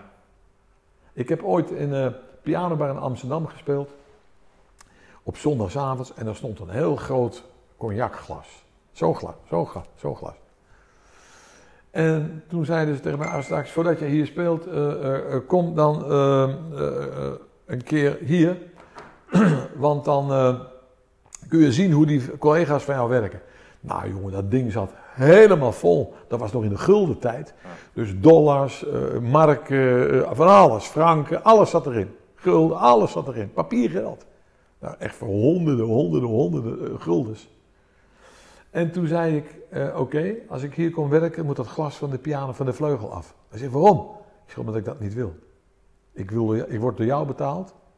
En ik wil niet, net wat jij zegt, niet voor hoer spelen. Doe ik niet. Doe ik niet. Voor niemand in de wereld. Niemand in de wereld. Al belt morgen eh, Trump en zegt je moet in het Witte Huis spelen. Zeg ik waarvoor? Voor dat, je krijgt een miljoen dollar. Kom ik niet als het alleen maar achterop moet zijn. Kom ik echt niet. Echt niet. Dat is geen gelul wat ik nu zeg. Nee, maar dat, dat, door de verhalen die je verteld hebt, eh, eh, is het mij in ieder geval duidelijk dat je zo in het leven staat. Ja, ik leef zo. Ja. En dat geeft, Maar dat, doe, dat doe je mooi. Dat, doet dat geeft mooi. een vrijheid. Dat Ja. geeft, dat geeft een vrijheid hier in mijn hoofd, in mijn hart. Ik, mag, ik kan doen en laten wat ik wil. Op het moment wanneer ik het wil, wanneer ik het wil, hoe ik het wil, en, eh, enzovoort. Hey, eh, vertel eens over de, over de liefde. Mijn liefde, Ja? Nicole? Nou ja, weet ik veel. Ik weet niet wat, wat, hoeveel liefjes het erop nahoudt, maar... eh, ja, die is leuk. Die is heel leuk, ja. Nou ja, Nicole en ik zijn eh 1 augustus 26 jaar getrouwd, jongsleden, 1 augustus. Het leuke is hoe wij getrouwd zijn, dat is een heel leuk verhaal. Dat was op het eiland Poros. Iedereen met de KLM en bijna iedereen op Poros wist dat we gingen trouwen. Poros is, waar, dat? Poros. Ja, P-O-R-O-S. dat? ligt ten zuiden van Athene. Daar kun je niet op vliegen, Ah, gelukkig, gelukkig. Dus Ja. geen eh, massatoerisme. Je moet vliegen op Athene en dan vanaf Piraeus met de, Piraeus met de boot. De, Piraeus is de havenstad van Athene. Met de boot naar, naar eh, Poros. Je hebt Egina, Poros, Hydra en Spetsis. En koning, eh, koning eh, Willem-Alexander en Maxima die zitten tegenover Spetsis. Ah, oké. Dat is op de Peloponnesos. Peloponnesus, zeggen jullie. Peloponnesos. Enfin, i- bijna iedereen op Poros en bijna iedereen bij de KLM wist dat wij gingen trouwen op 1 Ja, augustus, behalve Nicole. Nicole wist niet dat we gingen trouwen. Maar je had er wel een keer gevraagd, maar ze wist niet het exacte datum. Of sowieso niet. Jij was zo zelfverzekerd van jezelf. wie wil er nou niet Nou met ja. trouwen? Ik heb er tegen haar gezegd, ja, trouwen, weet ik niet hoor. Ik zeg, ik heb al zoveel bruiloften in mijn leven gedaan. Het is allemaal hetzelfde. Taart aan snijden, champagne. Kunt u Eh, nog wat spelen, meneer? Ja, ja. En eh, ja, nu eh, nou, lang zullen ze leven. Ja, allemaal. Aan het einde van de avond heeft de, de, de, het, het bruidje heeft pijn in de voeten vanwege die... allemaal dat soort dingen. Het is overal hetzelfde. Overal hetzelfde. Overal hetzelfde. Ik zeg, zo wil ik het niet. Nee, zegt ze, als, eh, eh, eh, ik zeg, ze, ze zijn al helemaal zenuwachtig, gaan een bruidsjurk eh, passen. Nee, dat, dat staat niet, dat. En, ik zeg, en die doen ze maar één keer aan, in principe, toch? Dan gaan ze daar duizenden euro's. Ik zeg, ze zijn niet helemaal bij een hoofdje. maar ze- Afijn, moeten ze zelf weten. Afijn, ik zeg, dan zegt ze, als me, maakt niet uit hoe je het wil doen, als mijn moeder er maar bij is. Dus wat heb ik gedaan? We zaten daar een week op Poros. En toen kwam de jongen van het strand, dat was, dat, dat, dat was mijn getuige, dat wist zij natuurlijk niet. Hij zegt, hé, ik hier. Eh, de burgemeester heeft ons morgenavond uitgenodigd voor een eh, diner. Want ik heb hem verteld over jou en je bent artiest in Nederland, bekend, bla bla bla, geboren in Athene enzovoort. Dus die burgemeester die wil kennis maken met je. Nou, Grappig. dus, zo gezegd, zo gedaan. Gewoon, zegt Nicole, wat leuk. Dus de volgende avond eh, wat zal ik aantrekken? Ik zei, ja, maakt niet uit. joh. Gewoon Bermuda, ik ook in de Bermuda. Afijn, we werden opgehaald door die vriend van... Oh, zegt hij, ze- hij heeft zijn auto gewassen. Dat is zeker heel eh, bijzonder. Dat- Afijn, we komen dat dorpje inrijden. Zegt ze, iedereen kijkt zo naar ons. En we lopen zo dat trappetje op, want het gemeentehuis was eh, on- onder construction, dus dat werd Ja. verbouwd. We in, het, in de bibliotheek gingen we trouwen.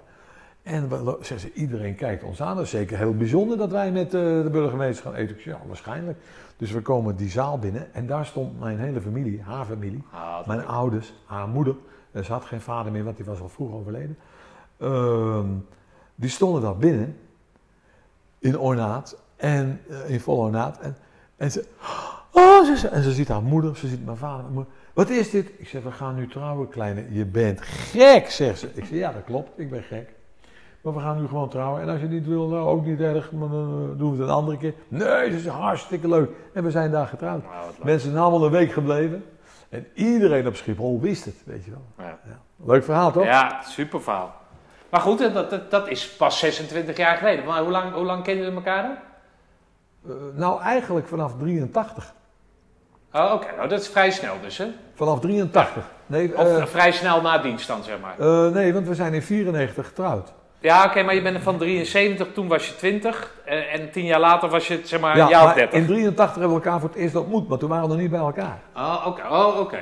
Ja. We hebben elkaar pas ontmoet in 88, eh 8, 89. Zij woonde in Amsterdam, jij woonde in, eh, in Arnhem. Ja. En toen zijn jullie gaan, eh, gaan samenwonen. Ja, hoe Wat, was dat? Ik was op vakantie op Rodos en zij werkte voor Holland International, wat nu TUI is, samen met Arke. Zij werkte, eh, ze heeft drie jaar op Rodos gewerkt en op Sardinië en eh, Oostenrijk, wintersporten. Zij was hostess voordat ze bij de KLM ging. Hm. En ik stond net dat jaar, eh, stond ik in de top 40 met Siska Peters. En zij is Ah, bij, bij twee dames is zij een excursie aan het verkopen, jeeps of weet ik het wat. En die dames zeggen van, hé, hey, daar heb je Aristakis. En zij kijkt om en zegt, wie is Aristakis? Die zij kennen mij niet. Die staat in de top 40 momenteel. Oh, wat leuk. En ik kwam op, toevallig op haar aflopen. Ik zeg, ik wil graag eh, een autootje huren. Ja, ze zei, maar eh, eh, u heeft niet bij ons geboekt, eh, want anders had ik u wel eh, in mijn... Eh, ik zei, ja, ik heb bij Arke geboekt, maar ik vind die hostess toch niet zo aardig. Nou, ze zei, ik mag eigenlijk geen... eh, want dat doen wij niet bij elkaar. Ja. Maar ze zei, nou ja, ik vind ook geen aardig eh, vrouwtje. Dus, eh, ik heb een auto voor u. Nou, zo hebben, en zo hebben we elkaar leren kennen. En voor de rest niks hoor. Eh, ik ging af en toe een sigaretje bij de roken, niks aan de hand. Jaren later eh, eh, gaat zij naar de KLM. Dat weet ik dus natuurlijk niet. En zij woont in Amsterdam, wist ik ook niet. En ik woon in Arnhem, wist zij ook niet. Ehm, komt zij een gemeenschappelijke vriend van ons, eh, van mij tegen. Een gemeenschappelijke, eh, een collega van haar. Van wie de man een eh, evenementenbureau had, organisatie. En die boekte Ah, mij veel. En zij gingen samen eten. Dus zij zegt tegen die collega: Goh, jij, eh, jij werkt part-time. Heb je dan kinderen? Nee, ze zegt: Ik heb geen kinderen. Ik help mijn man in het artiestenbureau. Oh, zegt ze: Ik heb ook ooit een artiest ontmoet. Wie dan? zegt die collega. Aristakis. Oh, wat leuk. Die boeken wij veel. Oh, zegt ze: Doe hem de groeten maar van mij. Nicole Karsten. Maar moet je wel even zeggen dat, eh, dat ik bij de KLM werk, want dat weet hij niet. Ik werkte toen bij Holland International. Nou, zij vertelt. En zo is die, Ah, de connectie weer ontstaan. Jaren daarna weer. Grappig, man. Grappig, hè? Ja. Hey, wat, wat betekent zij voor je? Alles. Ja? Zij, is, zij begrijpt mij, we hoeven elkaar maar aan te kijken en eh, we begrijpen het. Eh, nou ja, zoals nu vanmorgen, heeft ze een vroege dienst, zes uur dienst. Staat ze om kwart over vier op of zo, half vijf. Ik sta met haar op, zet even koffie voor haar. Ik doe me mijn laptop aan. Ik ga daar staan en dan zie ik echt of ze wegrijdt, weet je wel. Ik- Even gewoon, Hm. ja, Oké. je weet me nooit. Nee, natuurlijk. Nou, zij, zij, is zij jouw beste maat? Je, je geliefde is er? Ja. Ja. wat jij zegt, alles dat... dat, Ja. dat eh, geen kinderen, zeg je? Nee, willen we niet. We hebben geen kinderen, we hebben geen hond, we hebben geen kat, we hebben nog geen goudvis. We kunnen de deur op slot gooien, we kunnen weggaan wanneer we willen, we kunnen thuiskomen wanneer we willen. Sessa, dat is het. En dat En dus die vrijheid- beide wens. Allebei de wens, ja.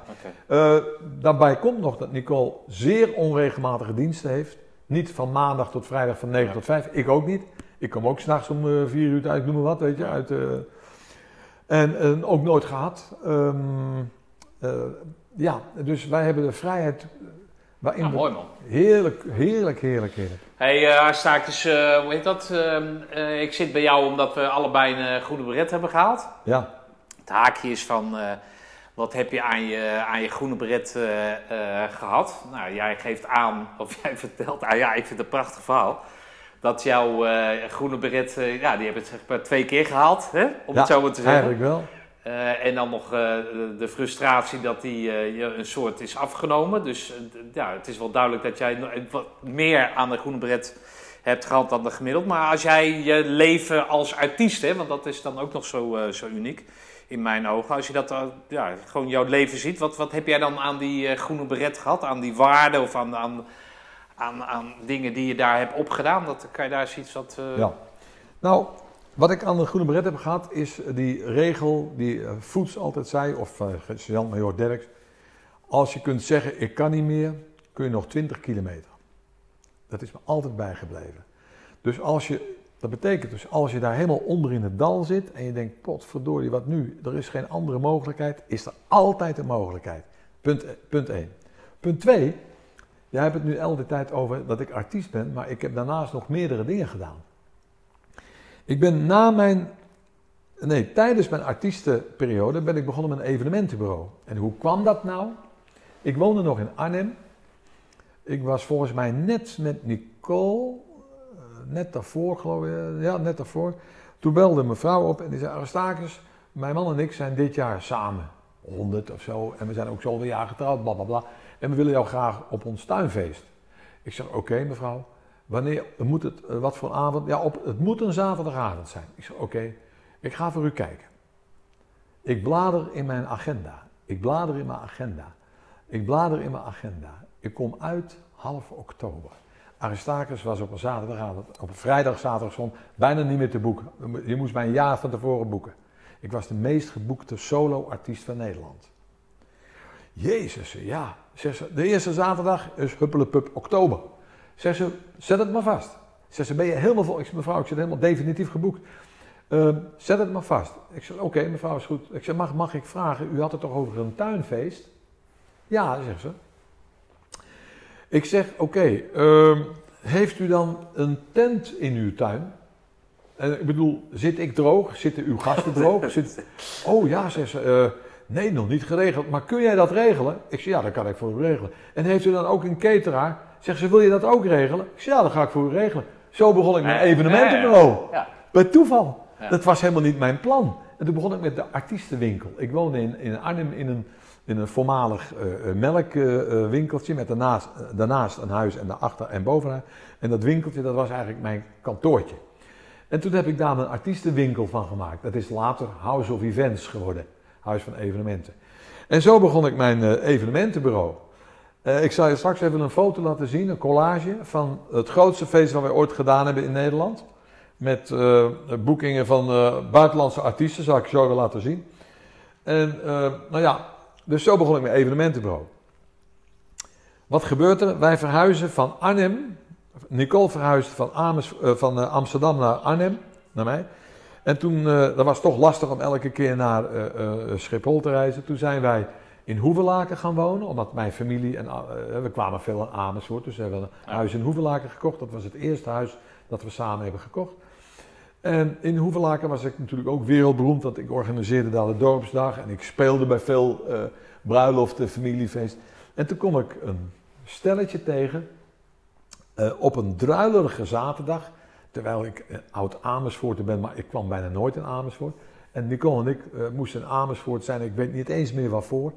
En we komen een stelletje tegen voor wie ik een bandje had geleverd voor hun bruiloft. Hé, hey, daar sta ik. Hé, Nicole, hoe? Ja. En ze zegt, ja, volgende week trouwen, we gaan eh, onze huwelijksreis boeken. Ik zeg, wat ga je daar doen? Hij zegt, ja, daar bij Basting, in de Utrecht, op de Utrechtse straat, tegenover Vrome Dreesman. Ik zeg, nou, daar liepen wij net voorbij. En dan staan ze echt tot buiten, staan ze daar in de rij om een reis te boeken. Potverdorie, zegt dat jong. Ja, in Hoevelaken zit niks. Ik zeg, oh, had je het dan in Hoevelaken geboekt? Ja, zegt hij. Oké. Nicole en ik rijden terug naar Hoevelaken. Ik zeg tegen die kleine blonde, ik zeg, we gaan een reisbureau beginnen. Jij bent gek, zegt ze. Ik zeg, nee, wij gaan een reisbureau beginnen. Ja, daar moet je toch papieren voor hebben? Ik zeg, nou, we zien wel. Lang verhaal kort. Ik was inmiddels lid met mijn evenementenbureau van de businessclub in Hoevelaken. dat- zaterdag heb ik dat stel ontmoet. Maandagavond hadden we in Hotel de Klepperman, dat is inmiddels... Dat Ja, was, dat ken ik, ja. ja, dat, is, dat is inmiddels Fletcher geworden. Dat was toen, Oh ja? Oh, dat was toen. Bilderberg. Maandagavond hadden wij een diner en een uh, bijeenkomst met die, met die businessclub. Dus ik vraag aan een van die echte hoevelaars. Ik zeg, hey, Aten, jij bent een echte hoevelaar, hè? Aten Nagelaat. Ja, zegt hij. Ik zeg, weet jij niet een pandje hier op de Westerdorpstraat? eh? Ja, zegt hij. Daar zit een vrouw met zo'n furnituur, fourniturenwinkel met knopen en Ja. ritsluiting. Hij zegt, en die gaat niet goed, die gaat er binnenkort waarschijnlijk uit. Dus ik dinsdagmorgen naar die mevrouw. Ik zeg, dag mevrouw. Hé, hey, Aristarchus, kan ik je helpen? Ik zeg, nou, ik, sorry, ik ben benieuwd hoe lang u hier nog in dit winkeltje, nou nog een maand of vijf. En dan ga, dan ga ik ermee stoppen. Ik zeg, oh, dan zei ze, hoezo dan? Ik zeg, ben, ben je geïnteresseerd? Ik zeg, ja, wellicht. Nou, ze, ik zeg, "Is- huurt u dit? Ja, van familie Schimmel daarboven. Lang verhaal kort, ik kom bij familie Schimmel boven. Ik zeg, ik wil graag het pandje huren. Geregeld. Aristarchus begon een reisbureau. Geen papieren, niks. Nooit gehad. Maar dat meisje wat bij ons solliciteerde, want dat ging natuurlijk als een lopend vuurtje midden op de Westerdorpstraat. Eh, dat ging als een lopend vuurtje dat Aristarchus dan een reisbureau ging beginnen. Ehm, op een gegeven moment komt dat meisje bij ons, eh, die belde op. Eh, ze belde op en ze zegt van, ja, ik heb gehoord dat u een reisbureau bent en ik, ik heb alle papieren eh, gehaald bij de NOTCA, Nederlandse eh, opleiding voor toeristisch kader. En ze had alle papieren. IATA, KLM, eh, Ben jij dit? Ja. Knappe kerel, man. Ja, ja, Godverdomme, ja. dat is ook weinig En, eh, van overgebleven. En ze had, dus al, ze had dus alle papieren die ik dus nodig had om Oh, binnen te komen bij de AVR en SGS. Ja, ja, ja, oké. Nou. dat, is, oh, dat is natuurlijk belangrijk. Met Ja. die, Dus ehm, toen ben ik. eh, toen zijn we begonnen met het reisbureau. En eh, binnen, binnen acht, negen maanden had ik mijn tweede reisbureau in, Hoevela, in eh, Scherpenzeel. En die heb ik na ruim zes jaar verkocht. Met een omzet van bijna 8,5 miljoen. Dus kun je kon, kon ik niet Ja. weten. Ik, kom, Nee. ik kom helemaal niet uit de reiswereld. Nee. Ik kom niet uit de reiswereld. En, maar ik heb een hele snelle, eh, ik werd een beetje in Woerden, werd ik een beetje gebriefd, heel snel in de reis, hoe dat allemaal werkt. Nou, op een gegeven moment, je hebt het gezien op die foto, we, we boekten alles. Hm. Ik boekte ook heel veel artiesten. En zo heb ik, eh, toen heb ik mijn reisbureau na zes jaar verkocht. En die kon zeggen, het is de toptijd, je gaat nu niet verkopen. Ik zei, je gaat nu verkopen. heb ik verkocht, voor heel veel geld. Hm, lekker toch? Hè? Nou, dat is goed, man. Ja. Dus En- om maar aan te geven dat je niet slechts alleen muzikant bent, toch? Dat wil je zeggen? Nee, en toen, ben ik in, en toen ben ik in de kleding gegaan. Oké. Vandaar die holster. Ja, Oké. toen ben ik in de maatkleding gegaan. Maar dat vertelde je, dat je eigen, eh, bij dat VVD-ding, dat je je eigen maatpak had. Ja. in a distant dream misty sky, dancing on moonbeams so light. You played out my fantasy, moments of magic delight, where night and day melted in rhapsody on a wave of love, on oceans of love, with the stars up above. I'm guided to you, where I'm in heaven, born on a restless sea by yearning heart. Jij vertelt nog even over je, over andere activiteiten waar je klappertjes mee gemaakt hebt. En je wilt als laatste, want anders wordt het helemaal zo'n eh, zo'n episch eh, verhaal. Nou, maar vertel eh, over die kleding. Heb je nog... Ja. Ehm, ik heb al verteld dat ik een Armeniër ben. En ehm, ik kwam voor de eerste keer in Armenië. Ik weet niet meer precies wanneer dat was, maar ik ben er vier keer geweest. Maar de allereerste keer dat ik daar kwam, ehm, zei een Armeense jongen die hier in Amsterdam de, eh, de kleding, hoe heet het, eh, hoe noem je dat, de opleiding heeft gedaan. Mode, mode, Ja, eh, modeacademie. mo- mode, modevakschool gedaan heeft. Ja. Ehm, hij zei, ja, daar sta ik. Nou ja, die heeft me een beetje rondgeleid en zo. Eh, hij zegt, we gaan even langs eh, mijn peetoom. Hij zegt, die heeft, eh heeft er een restaurant. Ik oh, Oké, nou, een hapje eten. Hij zegt, en hij heeft ook een fabriek waar ze kettingjes en uh, juwelen... Oh, dan gaan we even langs. Dus wij gaan daar in die fabriek langs en er zitten allemaal mensen te werken. Stuk of tien, weet ik het wat. In Nederland of in Armenië? Nee, Armenië, in Oh, Yerevan, ah, de hoofdstad van Armenië, Yerevan. Oké. En eh, nou ja, ik was er nog nooit geweest. Hè? Eh, dus nou ja, ik, eh, ik, ik zit, ik, we lopen daar samen met, met die fabriek door. En op een gegeven moment zie ik door een ruimte, zie ik de deur die open stond, zag ik tafels staan, zo op deze hoogte. En er stonden machines of zo, met afgedekt, sommige afgedekt met plastic en sommige niet. Ik zeg, hé hey, eh, haak op, Jacob, hé Jacob, haak op. Ik zeg, wat, wat zijn dat? Ah, hij zegt, oh dat zijn naaimachines. Ik zeg, eh, ik zeg, van wie zijn die? Hij zegt, ja, van mijn peetoom. Ik, ik zeg, wat doen die hier dan? Hij zegt, ja, die staan al eh, twee jaar niks te doen. Ik zeg, hoeveel zijn dat er? Hij zegt, ja, weet ik niet, honderd. Van allerlei soorten machines, knopenmachines, naaimachines, stik, stiksel. Ik zeg, en, dat, dat is toch zonde dat die daar staan? Daar, daar- daar moeten we toch wat mee doen. Hij zegt, ja, wat bedoel je? Ik had namelijk, naast House of Events, had ik ook Charisma Events. En Charisma Events was eigenlijk een beetje de, de, de bovenkant, hè, de, de, de, top, het topsegment van evenementen. En toen zei ik, nou ja, ik zeg, jij hebt toch modevakschool gedaan in Nederland? Ja, zegt hij. Ik zeg, pak een stuk papier. Hij zegt, wat dan? Pak een stuk papier en een potlood. Hij zegt, wat dan? Teken een, een, een, een, polo shirt, een overhemd, een, een jurk, een broek. Dat kon hij ook zo tekenen, hè? Hij zegt, en dan? Hij zegt, kijk eens, ik heb Charisma Events, maar ik heb ook Charisma Fashion toevallig vastgelegd. Hij zegt, wat wil je dan? Ik zeg, jij wordt directeur hier, je zoekt maar een paar meiden op, we gaan wat stoffen halen en knopen en garens en we gaan beginnen. Ik weet niet welke machines we nodig hebben, maar vraag aan je peetoom of wij die machines mogen gebruiken en of we een stukje van die fabriekshal, heel groot, heel groot gebouw, echt zo'n Sovjetgebouw, weet je wel, of we daar een stukje van mogen gebruiken. Potverdomme, dat is wel een goed idee. Ik zeg, ja, had jij zelf ook kunnen hebben, hè? Afijn, lang verhaal kort, ik begin een kledingfabriek in Armenië met zes dames. En hij als directeur. En dat, dat ging aardig goed. We hadden hier en daar wat klantjes. Ik begon met polo shirts en zo. En eh, nou, daarom ben ik er vier keer heen en weer eh, gevlogen. En eh, nou ja, toen ging het op een gegeven moment fout, omdat Armenië natuurlijk een heel erg corrupt land was en nog steeds een beetje is. Maar gelukkig is de, is de regering eh, eh, toch wat jonger en anders eh, veranderd. Meer in een democratische sferen en niet de zakken, zakken, zakken vullen. Maar ook dat zat nou eenmaal toch een beetje in de genen van die mensen daar, van de Armeniërs daar in Armenië. Dat ja, de verdwenen dingen. En, Overleven toch? Hè? Ja, Overleven toch? ja, overleven, dat is het eigenlijk. Ja. En toen kwamen ook, eh, kwamen ook mensen die eh, mij zouden eh, beveiligen en dan moest ik geld betalen, weet ik het allemaal. Nou, op een gegeven moment kwam die peetoom die ons eerst die ruimte gratis gaf, die kwam in één keer van, ja, ik moet zoveel eh hebben. Nou, nou, fijn. We gingen daar verhuizen, we gingen naar een andere ruimte en met, op een gegeven moment heb ik een, een 35 man had ik daar werken. Nou, toen ging het helemaal fout en de, de, de productie stokte, of de, de verkoop stokte eigenlijk, productie niet. En toen heb ik die fabriek ben ik gestopt. Maar toen kwam ik in Nederland. Toen ben ik hier verder gegaan naar maatkleding, Charisma Fashion. Maatkleding. Dus heel veel bekende Nederlanders.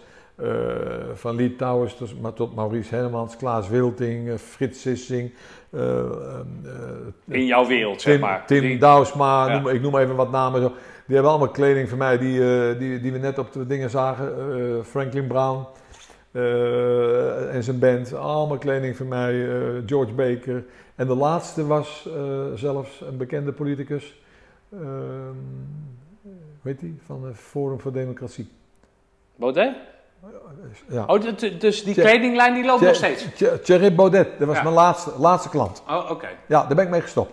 En dan had ik ook die holsters. hoe heet het? easy, easyholster.com. ja, die ben ik ook heb ik, heb ik aandelen verkocht en mijn kledingslijn versto- gestopt. Ik doe dus nu alleen maar concerten, componeren. En ik ben nu met een rockopera bezig te schrijven. En waar moet die rockopera over gaan?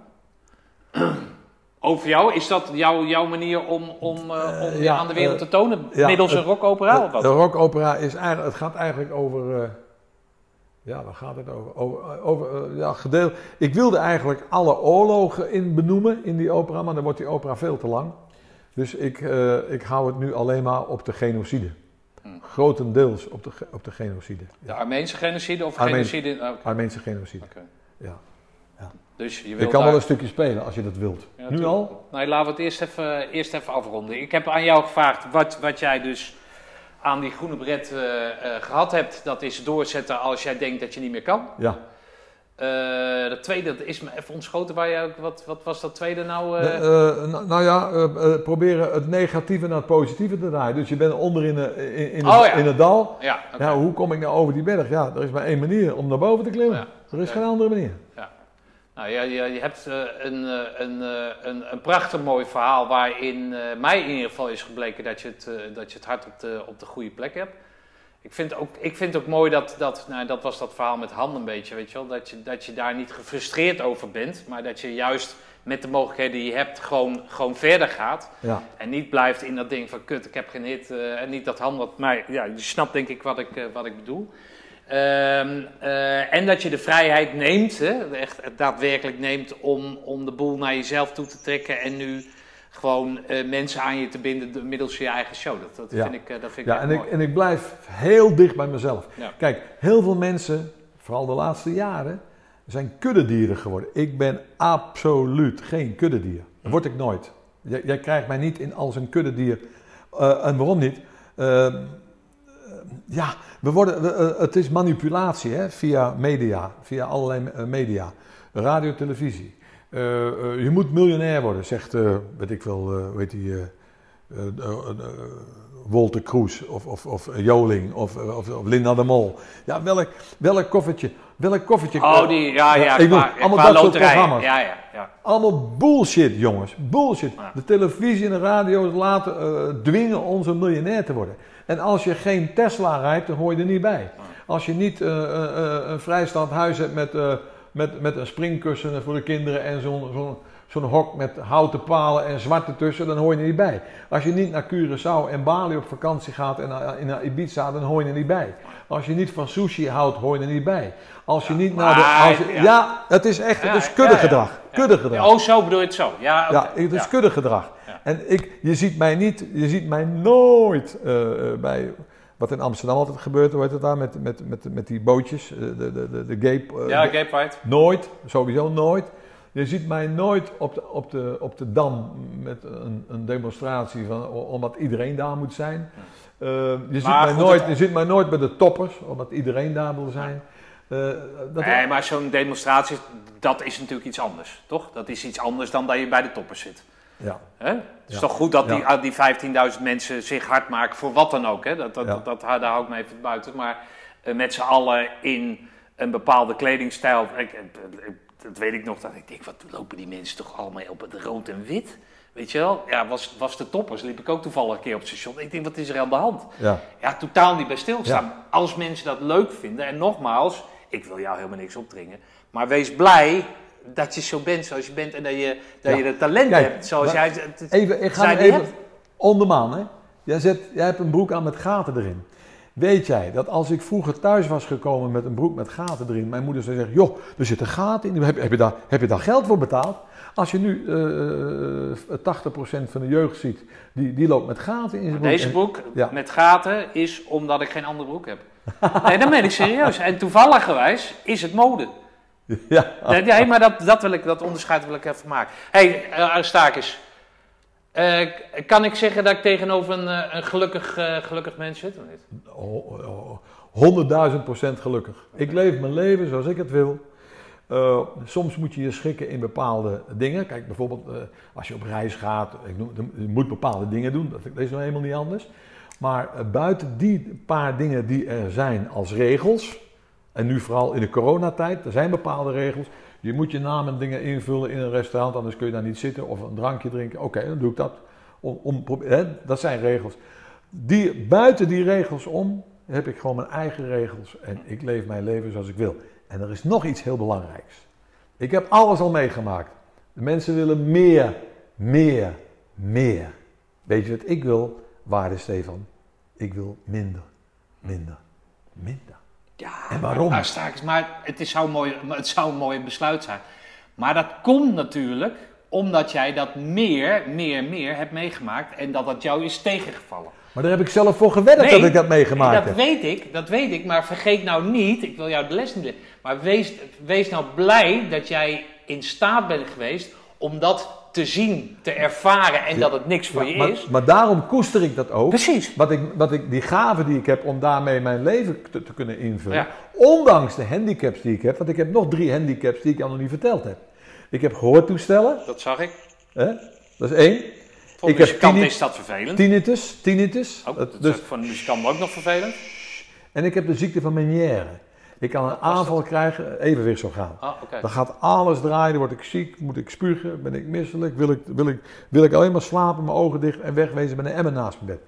Dat is een aanval die kan zomaar optreden. Oh, dat is die gozer uit die journalist uit Rotterdam heeft dat ook. Ja, Ja, die heeft, ja. ja, Dat is de ziekte van Meniere. ja, Dat heeft te maken met je evenwichtsorgaan. ja, oké. Dus, En die- gaat toch aan het einde van het interview ga je toch niet lopen zeiken, hè? nee, maar ondanks die drie handicaps met, met mijn oren en mijn rug, mijn ruggenwervel, ben ik een, een verschrikkelijk gelukkig mens. Ik zou niet anders willen leven dan zo.